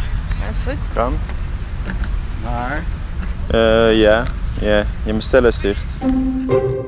Amir, we hebben jou eh, vorig jaar gevraagd om eh, de, eh, onze tune te componeren. Oh ja. Eh, van ja, dat wist ik nog. Dat is niet alsof ik nu denk, oh, dat heb ik ook gedaan. Eh, dat wist ik nog. Ehm, en, en daarom eh, leek het ons heel leuk om juist dit jaar eh, met jou in gesprek te gaan. Omdat we alle drie op een bepaalde manier terug kunnen kijken ook op, op die periode. Mm. Eh, en omdat we, nou, we zitten nu in eh, maart 2022. April. April, sorry. Gaat April, ja, het gaat zo snel. April 2022 en ehm, nou ja, heel veel kloppen op, op hout. Maar we lijken er nu toch echt wel uit te komen uit de coronacrisis. En eh, na twee, twee jaar crisis dachten wij, we beginnen met de vraag... hoe heeft de coronacrisis jouw kunstenaarschap beïnvloed? Ja, ja wat ik een supergoeie vraag eh, vond sowieso. En was ook eentje waar ik niet, waar ik echt wel wat langer over na moest denken. Want ik, het is ook iets wat ik denk ik pas over een paar jaar Ja. Echt ga weten. Ja.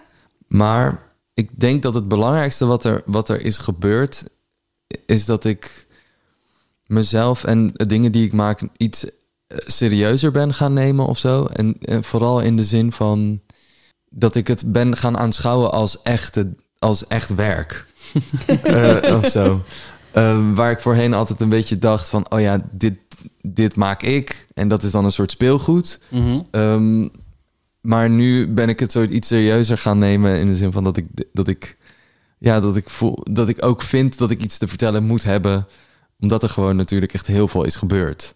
Ehm, naast een coronacrisis ook eh, eh, zitten we, naar mijn idee, behoorlijk in een identiteitscrisis als planeet. Ehm, of zo. Eh, dus, ik heb, dus ik heb wel het gevoel dat daar. ehm, dat mijn, nou ja, hoe ik in ieder geval over de wereld nadenk, is wel, is wel iets ja, serieuzer geworden, gewoon in ieder geval. En is de co- coronacrisis daar ook echt de katalysator voor, denk je?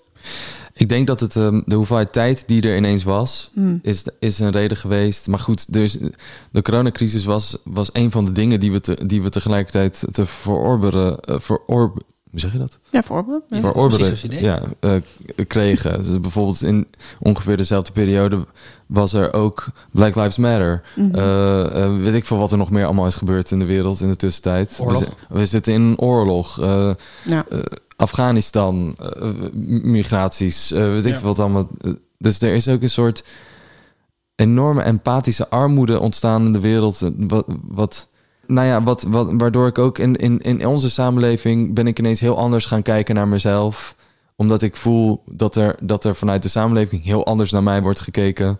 En op wat voor momenten er anders, eh, op wat voor momenten er hoe naar mij wordt gekeken. Mhm. Dus bijvoorbeeld als het gaat over, eh, dat is een veel voorkomend voorbeeld nu, maar dat er dan inderdaad ehm, over de vluchtelingen uit Oekraïne wordt gezegd... ja, dat zijn mensen zoals wij, met, ze zien eruit zoals wij, dit en dit en dit.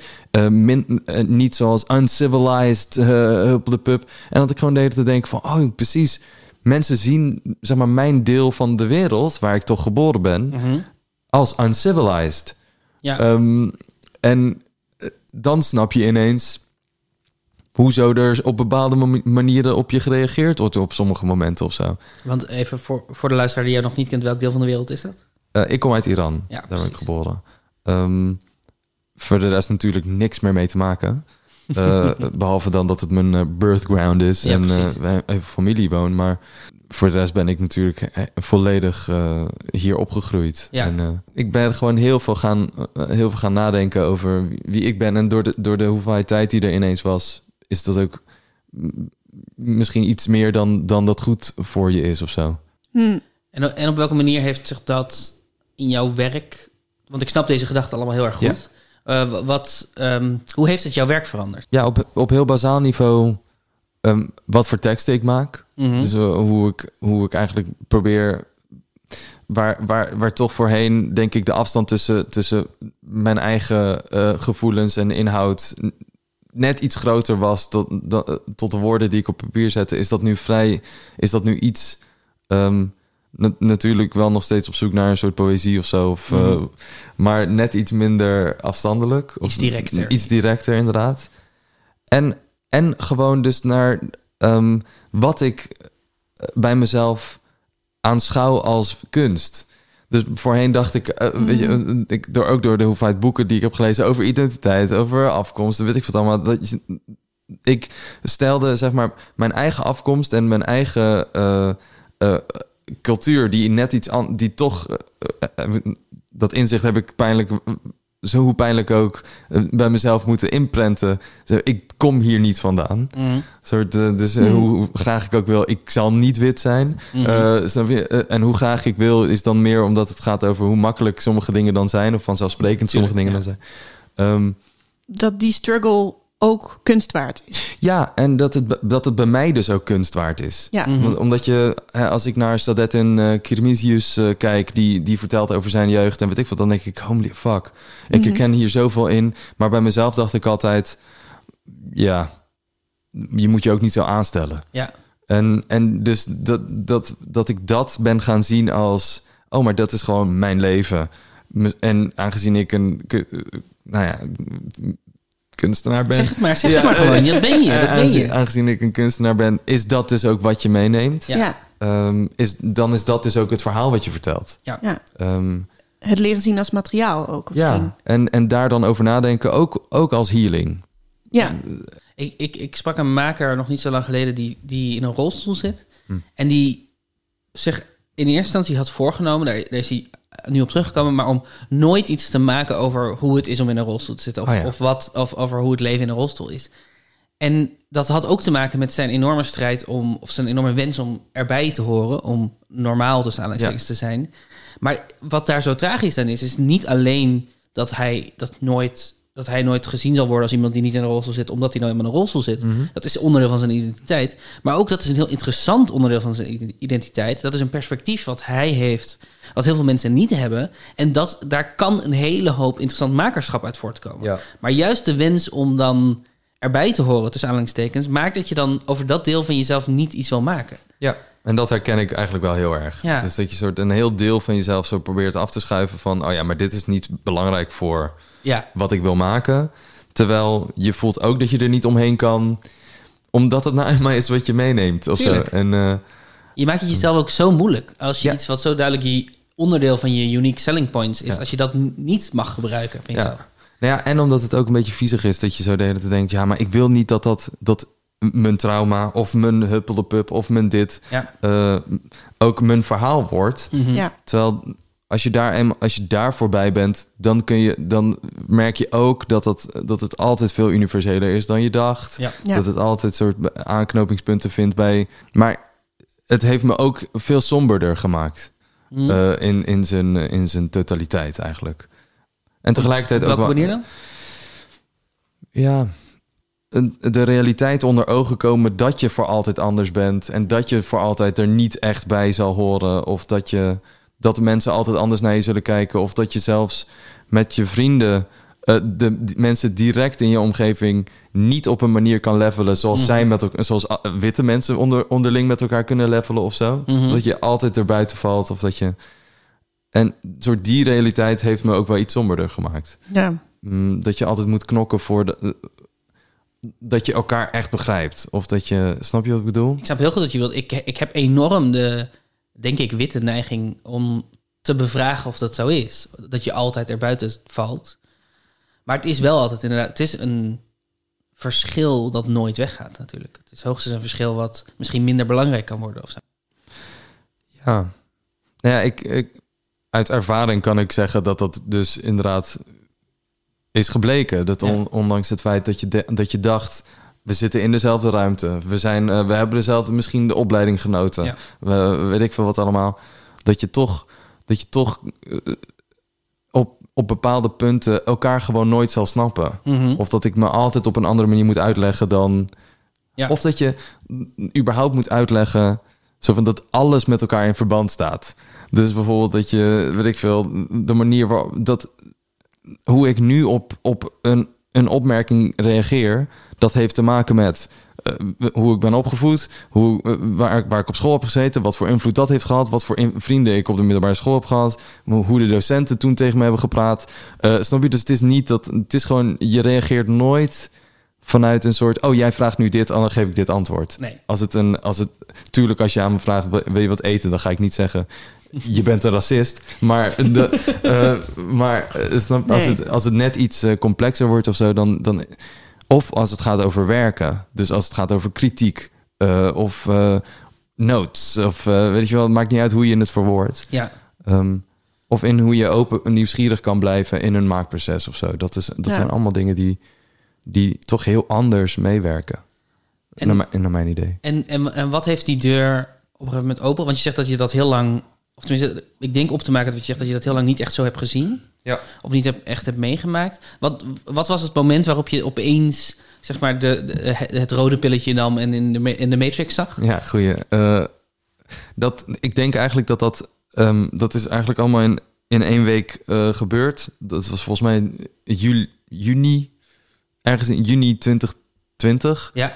Ehm, want in dezelfde week was namelijk mijn oma overleden... die ik al 18 jaar niet had gesproken... Hmm. die in Iran woont, aan mijn vaders kant... waar ik geen contact mee heb. En, eh, en Black Lives Matter. Ja. Dus dat, dat zat allemaal in dezelfde week. En dat, dat zorgde eigenlijk voor zo'n soort aardverschuiving. Dat ik echt ineens een soort enorme disconnectie voelde tussen, tussen al- alles wat er, zeg maar, voordat ik door die. De rabbit hole. Voor de, ja.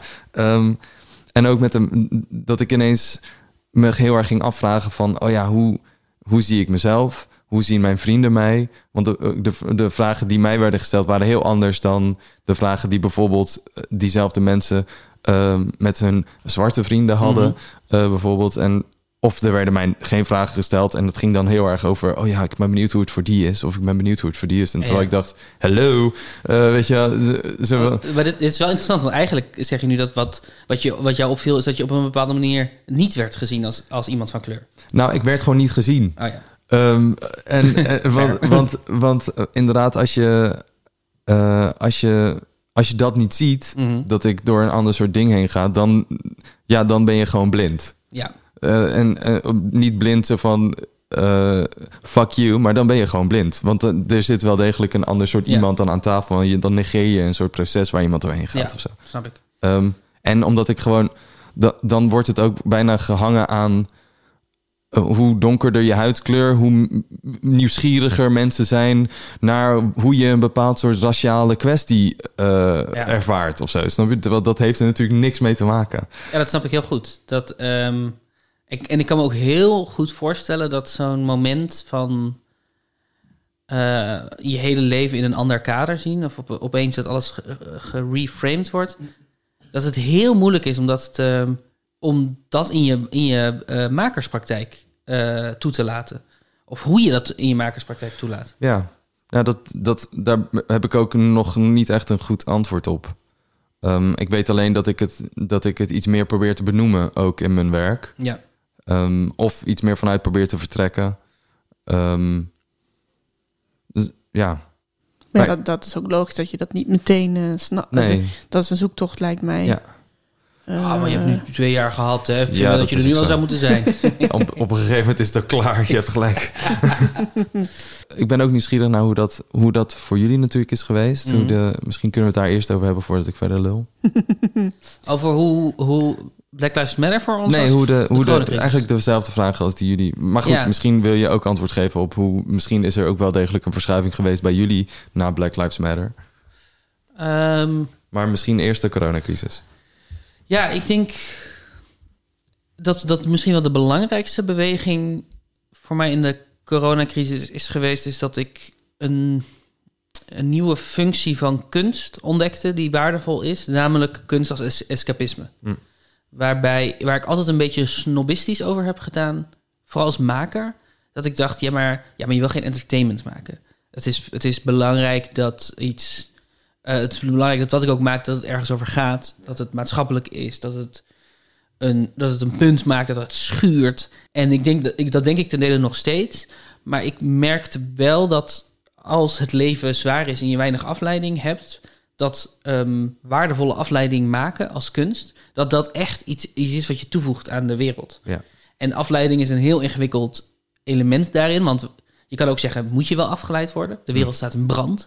Ehm, er, er, is, er, is over, er is overal oorlog en, en er is overal oorlog en racisme. Hoezo wil je afgeleid worden? Mm. Maar ehm, wat ik heel erg merkte is dat wat ik in die coronacrisis zelf nodig had als, als consument van kunst of als kijker van kunst, eh, is, is dat ik het nodig had om ehm, reserves op te kunnen bouwen. Om, iets- de, om, de, om de moeilijkheid van de complexiteit van de wereld aan te kunnen, dat ik die energie nodig had en dat ik goed in mijn vel moest zitten en dat het kunst me dat kon geven. En dat, dat verraste mij echt heel erg. Ja, heb je, ben je dan ook meer dingen gaan maken waarvan je echt dacht, dit is escapisme. Dit mag gewoon lekker zijn. Nou ja, we hebben, we hebben inmiddels 100 afleveringen gemaakt van een, van een podcast Ja. die op geen enkele manier de wereld verandert. Nee. Eh, dat is een podcast die er alleen maar voor is, zodat je, nou, dat zeggen we ook aan het begin van die podcast, dat is eh, om mensen af te leiden Ja. met puzzels en raadsels en quizjes. Mm. Dus dat, en, en ik voel, ik, ik heb nog steeds soms als ik aan mensen uitleg dat dat de podcast is die ik maak, dat ik hun oordeel voel, waarschijnlijk niet waar, maar hun oordeel voel zo van, oh, oh besteed je zoveel tijd aan iets wat gewoon geinig is? Ehm, maar in de reacties van mensen die we krijgen en ook zelf wat het met mij doet, voel ik wel dat het toch waardevol is om op een veilige plek waar je, waar je, waar je, ja, waar je op kan laden, waar je je even met iets onbelangrijks bezig kan houden, dat, Mm. dat, dat dat toch waardevol is. En voor jou, Ellie? Tweeledig eigenlijk. De hoeveelheid tijd en, en, en paniek hebben er wel voor gezorgd dat ik op een heel andere manier naar het werk ben gaan kijken. He- Het werk als schrijver. Mezelf ook veel serieus ben gaan nemen als ehm, maker. En in wat ik te zeggen heb, maar ook hoeveel tijd ik daarvoor neem. En wat ik priori prioritiseer. Oké. Zeg je dat zo? Ja. Ehm, dat ik, hoewel ik dat absoluut niet zou toegeven eh, pre-corona, toch heel erg werd gestuurd door een soort status. ehm, in het wereldje willen zijn. eh, meegaan op die belachelijke. eh, de regels van het wereldje. Dus in het weekend doorwerken, eh, geen grenzen aangeven. Ehm, als iemand je vraagt die hoger op de ladder staat, of je misschien vervolgens nog meer kansen krijgt, terwijl je diegene vervelend vindt of eh, niet eens goed vindt, dan toch ja zeggen. Want je denkt, ik kan er wel wat Ja. van maken, of ik, ik, kan geen kansen laten liggen. En door, door eigenlijk doordat gezondheid zo belangrijk werd in ons leven, doordat de hele wereld hetzelfde ergens aan het meemaken was, zeker in het begin, eh, viel de belangrijkheid van dat wereldje even weg. Ook heel vaak niet hoor, kwam ik ook af en toe weer keihard terug en zo, omdat ik een jaloezie voelde. En ik dacht, waarom ben jij wel een voorstelling ik niet? Ja, ja.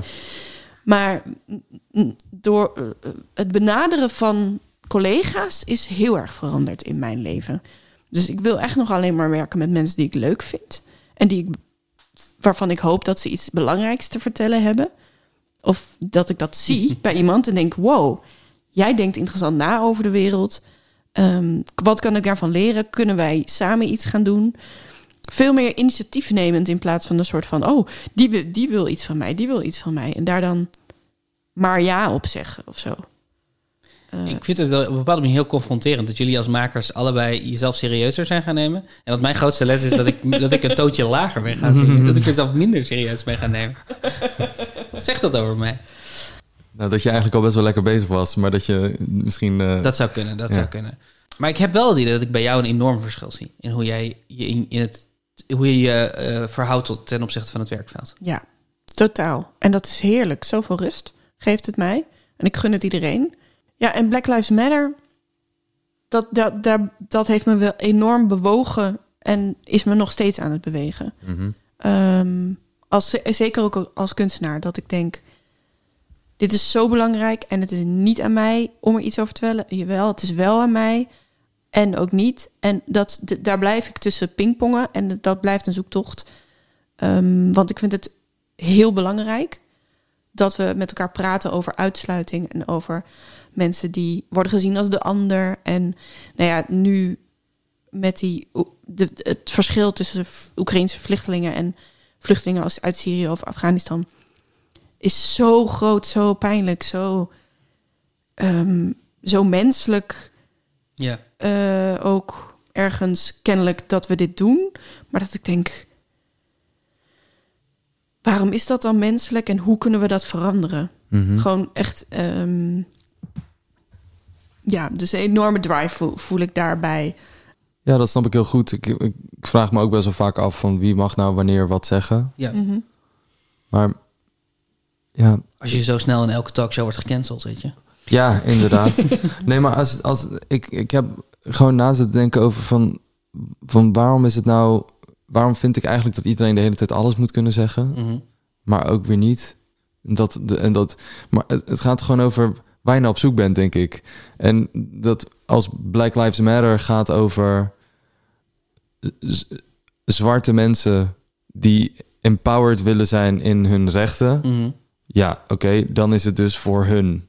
Maar als het in Nederland ga, ook eh, gaat over me- überhaupt mensen van die niet wit zijn, want Ja. in Nederland is, gaat het niet alleen over, over zwarte mensen, het gaat ook over nou ja, bruine mensen, whatever. Het is veel, het is veel gelaagder of Tuurlijk. zo nog. En dan is, het voor, dan is het voor die groep. Terwijl als Black Lives Matter gaat over verbinding zoeken tussen al deze mensen en eh, in de samenleving, dan is het voor iedereen, snap je? En Zeker. in die zin niet all lives matter, nee.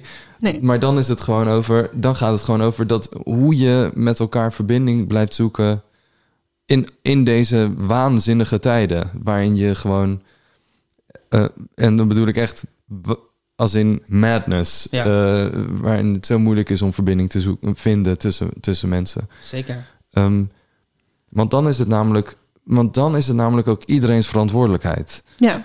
Eh, En eigenlijk vind ik sowieso, want Black Lives Matter, zeker in Amerika, is natuurlijk ook begonnen als een eh, protestactie tegen institutioneel racisme Hmm. en institutioneel racistisch geweld. Ja. En daar hebben we ook allemaal onze verantwoordelijkheid, als burgers, allemaal onze verantwoordelijkheid voor. We willen allemaal niet in een racistisch land leven. We willen allemaal dat dat eruit gaat. Want wij hebben er, iedereen in het land heeft er last van als, als het systeem zo in elkaar zit. Ja. Ja. Nou, en in die zin ben ik ook wel echt een stuk sentimenteler geworden door de, door de crisis. En ook door al deze dingen. Ook, Ja. Misschien is het ook de leeftijd. Weet ik niet helemaal zeker. Vast wel. Maar ook dat je, ding, dat je gewoon hele clichématige dingen zoals inderdaad soort op, op zoek blijven naar verbinding. Of eh, het woord eh, retry komt heel vaak eh, in, me, in me op. Zeg maar, Mhm. ook in, in mijn werk en ook in hoe bijvoorbeeld met Club Gewalt, hoe we met elkaar praten. Eh, dus dat het soort de hele tijd dat eh, een beetje ook de naïviteit van het opnieuw blijven proberen of Mhm. dat te blijven houden en Mhm. niet daar zwartgallig van te worden Ja. Ehm, of zo. Ehm, dat, zijn, dat zijn wel en ook dat je soort eh, dat raakt me dan toch ook wel weer aan de passion dus dat het de hele tijd zo gaat over hoop dat soort dingen voel ik ook dat dat veel belangrijker aan het worden is in mijn, in mijn hoofd dat je zo te-. En dat schemert dan dus ook wel weer door in mijn werk Ja. Ehm, Ja, ik heb ook naast dat ik mezelf ook inderdaad iets sentimenteler zou noemen, zal ik mezelf denk ik nu ook eh, iets spiritueler noemen. Mm. Ehm, op het, op het. ehm, en dat gaat ook heel erg over connectie. En voelen we zijn een planeet. We zijn een wereld. Er is een natuur. Eh, we, zijn, we moeten connectie vinden. zijn verbonden met elkaar. Als een hele grote groep in Nederland zich eh, eh, niet gezien voelt. Dan, en ik voel me wel in principe gezien. Voel ik me nog steeds ergens niet gezien. Mhm. Of in ieder geval, het gaat niet over ik, maar het gaat over.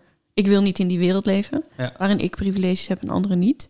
En, en dat komt ook wel door, dan denk ik, dat allemaal zo samen mee te maken. En door dingen te lezen ook. En wa- waardoor, mm, ik denk, mijn werk was iets meer eh, voor corona een spiegel. een soort van, hahaha, kijk ons stuntelen. Dit doen we allemaal, hahaha. Ehm, en daar zijn we samen in. Dus daar zit die connectie wel in.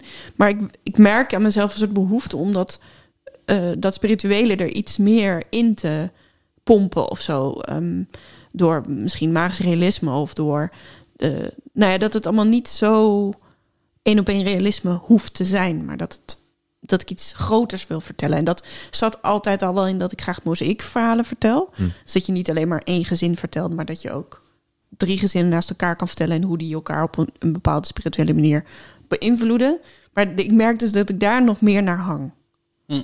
na deze twee jaar. Mooi. Herken jij niet? Ik denk niet, nee. Maar, maar het is zo'n, het, wat je omschrijft is ook zo'n specifieke ontwikkeling. Het is een ontwikkeling naar magisch realisme toe. Mhm. Ehm, en dat herken ik niet per se bij mezelf.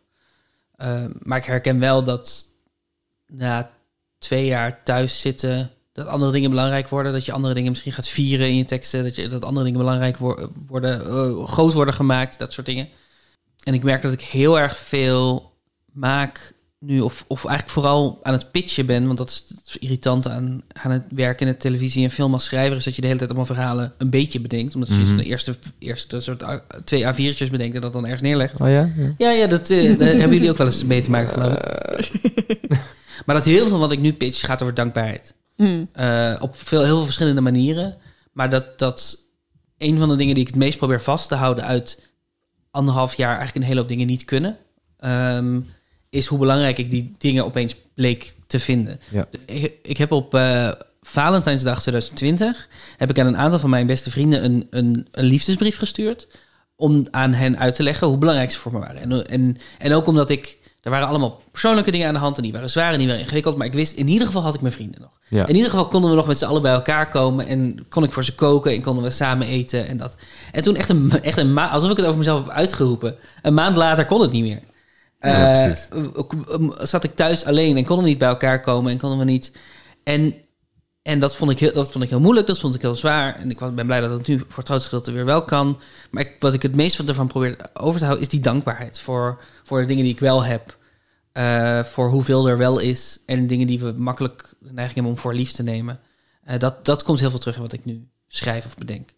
Ja, dat is Ja. ook heel goed. Ja, het is grappig, want ik heb ook inderdaad opgeschreven... mensen om me heen laten weten hoe belangrijk ze zijn. Ja. Mm. En dat doe je natuurlijk aan de ene kant voor jezelf. Ehm, zeg maar dat, dat, ze, zeg maar dat je... Dat, Je houdt ze bij je. ja, dat je ze bij je houdt, maar je doet het ook voor... Want je het vindt, want hoe- het is ook prettig om te horen dat je belangrijk bent voor iemand. Zeker. Dus het is ook gewoon dat je zo daarmee ook weer iets van juice geeft in iemand anders leven. Dat je zo van, ah ja, oké, als ik morgen doodga, dan is het in ieder geval voor die persoon fijn geweest dat ik er was of zo. Ja. Ehm, Zeker. ja, dat, en ik heb dat veel meer vanuit een soort, eh, ja, vanuit, een, vanuit de andere kant eh, belicht gekregen. Dat je zo, dat, dat, is niet, zo, niet zozeer fijn dat je er bent, maar dat je fijn dat je de, er wilt zijn. En dat daar zit naar mijn idee een soort ac- actie in. Mhm. soort, de, ik weet niet, misschien bedoel je exact hetzelfde, maar dat je soort. ehm, ja, dus dat de, de niet vanzelfsprekendheid van dat, dat, dat, ze er, dat mensen om je heen er zijn, Mhm. maar dat, dat het knokken is om er te zijn. En dat het. eh, snap je wat ik bedoel? Je bedoelt dat mensen echt hun best doen om er voor jou te kunnen zijn. Ja. Ja. En, en daarin zit ook een beetje een soort onzekerheid van dat je dan denkt: oh ja, het is moeilijk om bij mij te zijn of zo. Mhm. Misschien herkennen jullie dat? Of, eh, oh. Ik ben heel leuk om bij te zijn, maar ik snap Precies. in theorie wat je bedoelt. Ik ben waardeloos om bij te zijn. en mensen blijven toch, eh, weet je. Dus het is. Het voelt alsof je daar... Ik, ik, snap dat je een grapje maakt, maar het voelt alsof je een beetje streng voor jezelf bent. Als je zegt dat je waardeloos bent om bij te zijn.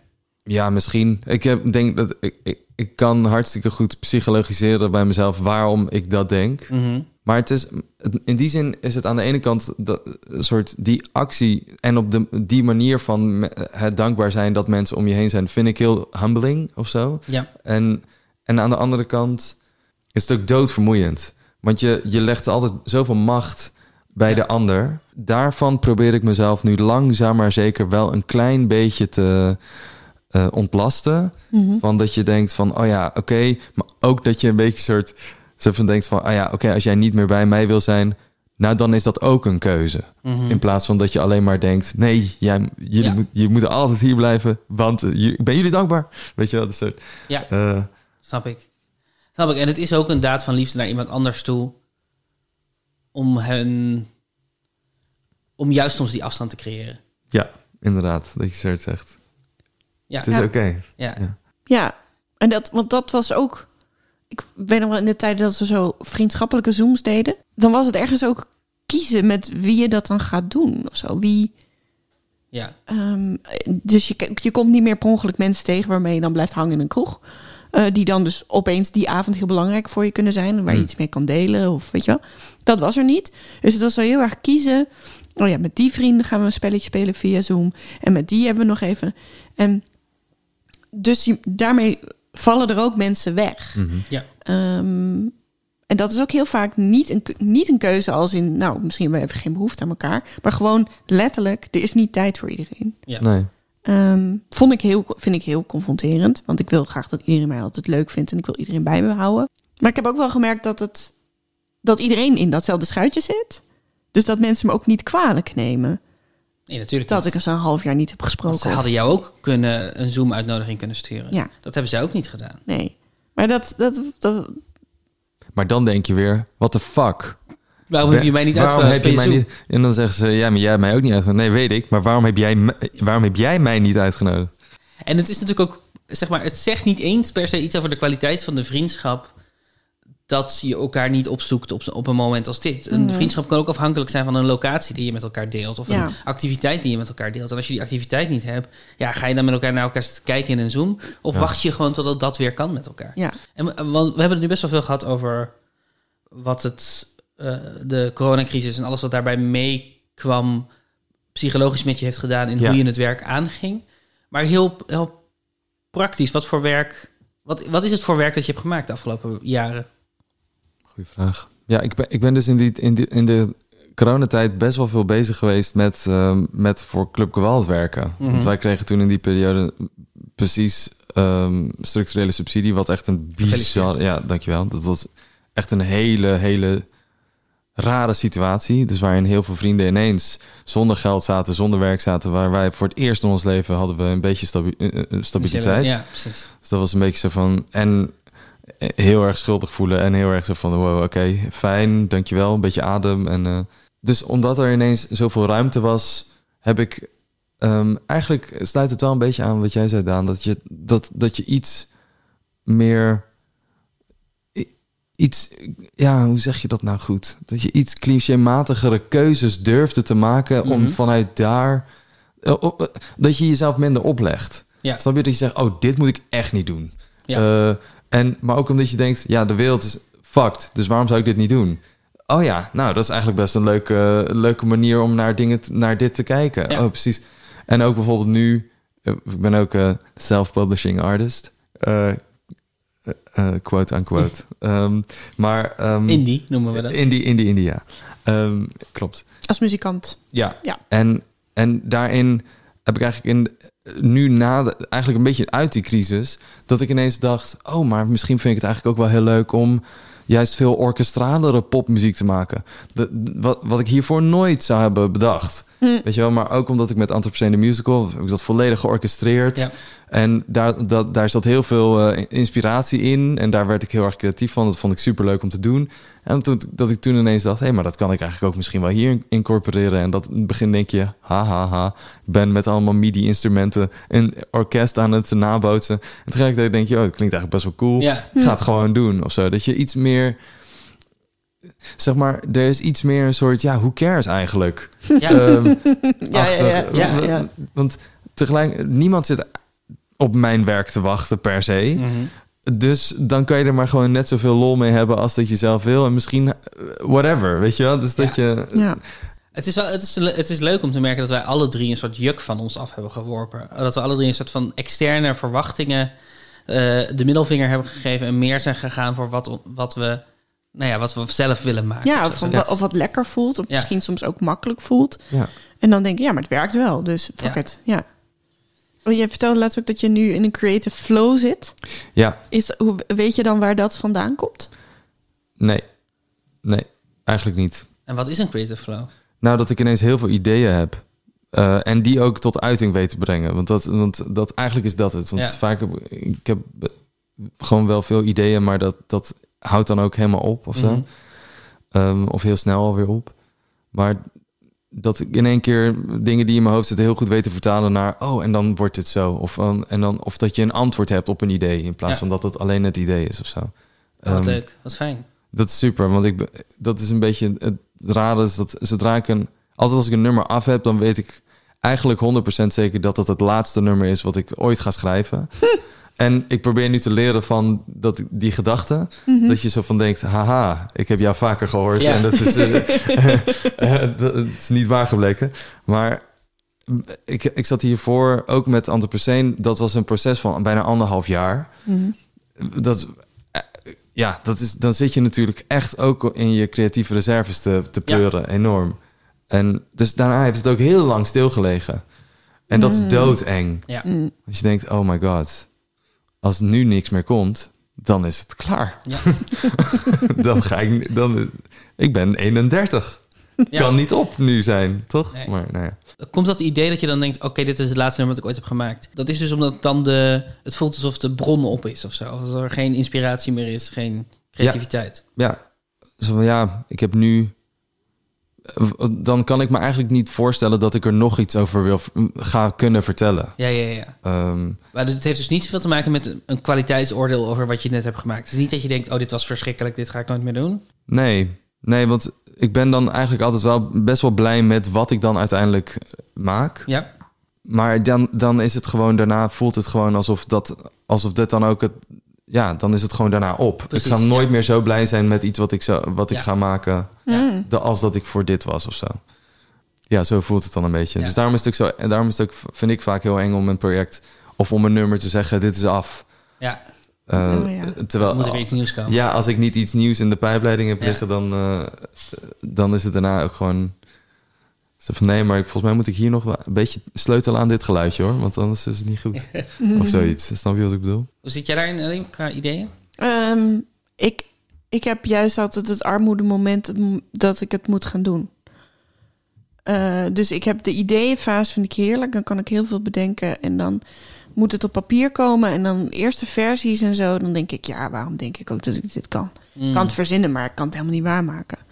En dan, dan heb ik dus echt hele lieve mensen om me heen nodig die met de, met de best, beste wil van de, van de wereld het lezen en zeggen: nee, maar er zit wel wat in. Er moet nog veel gebeuren, maar dat, dit, is, dit is al goed. Ja. Want ik zie dat dan heel vaak zelf echt nog niet. Soms ook wel. Dat is heel fijn. Maar die armoede die jij omschrijft achteraf heb ik eigenlijk niet zozeer, maar echt tijdens het schrijven. Omdat- Als het, als het er nog niet is en ik weet hoe het in principe in een utopie zou moeten zijn en ik kom er niet. Mm. Ehm, en dan is er een tijdje dat ik even niks hoef te maken. En dan komen de ideeën juist weer vaker van. Want dan kan ik mezelf weer wijsmaken dat ik dat kan. Ja. Ja. Kan- Dat, zo voelt het echt dan. Van, oh, en dan maak ik een grote voorstelling over dit. En dan ga ik ook research doen. En dan ga ik, weet je wel, al in mijn boekjes allemaal ideeën opschrijven voor. Dan, dan moet daar een lied over dit en dat. Heerlijk. En als iemand dan zegt, ja, doe maar. Ga maar, ga maar doen. Ga dat lied maar schrijven. Nou, en dan, dan heb ik in eerste zin en dan denk ik, ja, nee, dit wordt natuurlijk gewoon kut. Ja, ja, ja. Dit is gewoon heel lelijk. Ja. Ik dacht dit maar dat kan ik helemaal niet. Maar, want heb je, zeg maar, vroeger heel veel bewijsdrang moeten hebben? Zeg maar op. de- Waarom vraag je dat? Nou, nou ja, how can I make this about me? Maar in mensen van, want ik herken dat gewoon in hoe ik zelf ben, hoe ik zelf in- bijvoorbeeld in, op school heb moeten acteren. Was namelijk, dat, dat ging namelijk gewoon voornamelijk over dat ik aan mensen moest laten zien dat ik het wel kon. Dus dat als iemand nu tegen mij zegt: dit is super, ga maar lekker doen. Dan denk ik, hoe bedoel je, ga maar lekker doen? Waar heb jij het over? Ga maar lekker doen of zo, weet je wel? Wat, wat moet ik dan gaan doen? Ja. Ehm, Je had het idee dat je altijd hebt gestreden tegen het gebrek aan vertrouwen. ja, en dat als iemand je nu vertrouwen geeft, dan ben je volledig onthand. En nu dat, eh, eh, de- misschien, daarom Mm. vroeg ik het misschien bij jou, dat je dacht dat, dat als iemand jou het vertrouwen geeft van nee, maar dit is een hartstikke goed impotentie idee, gaat maar uitwerken, dat je dan denkt, gaat zelf uitwerken. Ik weet niet. Of hoe, hoe, zie je, hoe kijk je daarnaar? Oh, dat vind ik heel ingewikkeld. Bewijsdrang, ja, ongetwijfeld. Je, hebt wel, eh, je kan wel heel erg faalangst hebben. Ja. En ik kan me voorstellen dat die wel met elkaar samenhangen. Faalangst en bewijsdrang. Ja, ik kom ook uit een heel kritisch gezin, Hm. inclusief mezelf. Dus weet je wel, bij- bij ons was de kindertekening niet altijd goed. De kindertekening was soms ook gewoon, nou, niet zo veel best op gedaan, toch? Mijn, mijn groep 8 musical, toen waren mijn ouders zo... Ja, ja, het is leuk dat je een leuke week hebt gehad, maar dit was voor ons wel echt pittig. Nou, volgens mij is mijn vraag redelijk beantwoord. En, ja, ja, maar goed, ik vond dat ook verschrikkelijk om te doen. En het was ook geen goede musical. En ik wist dat ook. Mhm. Maar dat, Ehm. ga- daar gaat het toch ne- ne- net precies niet om. Hè? Nee, nee, nee. Helemaal niet. Nee. Helemaal niet gaat het daarom. Nee. Helemaal niet. Als je als recensent naar een groep 8 musical gaat, dan, dan ben je met verkeerde intentie naar binnen gelopen. Fair enough, fair enough. Eh, maar ik weet niet wat het me had opgeleverd als ze wel bij alles hadden staan juichen. Dat is, dat dit is ook gewoon in bescherming nemen van mijn gezin. Ehm, ja, en tegelijkertijd ken ik mensen met wie ik ben opgegroeid. eh, niet uit mijn eigen gezin, maar gewoon goede vriendinnen. Bij wie de ouders juist wel altijd riepen: fantastisch, fantastisch. Die daarna ook in een enorme crisis zijn terechtgeraakt. Omdat ze dachten: maar waar ben ik nou goed in? Mhm. Ja. Wat kan ik nou eigenlijk echt? Wat wil ik nou eigenlijk echt?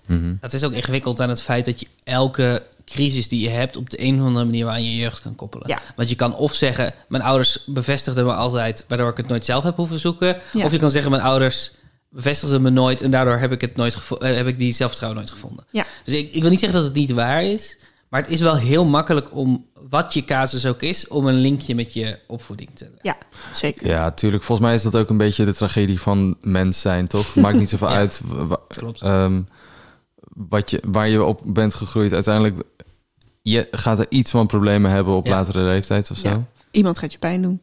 Ja. Zeker. We zijn allemaal fucked up. Ja. We zijn sowieso allemaal fucked up. Niet Ja. allemaal in even grote mate misschien, maar we, zijn al, we hebben allemaal iets wat, eh, Ja. wat ons in de weg zit, waar we tegenaan lopen te schoppen, wat we niet, niet overwonnen krijgen. Daarom Ja. is denk ik zoiets als de passion super belangrijk.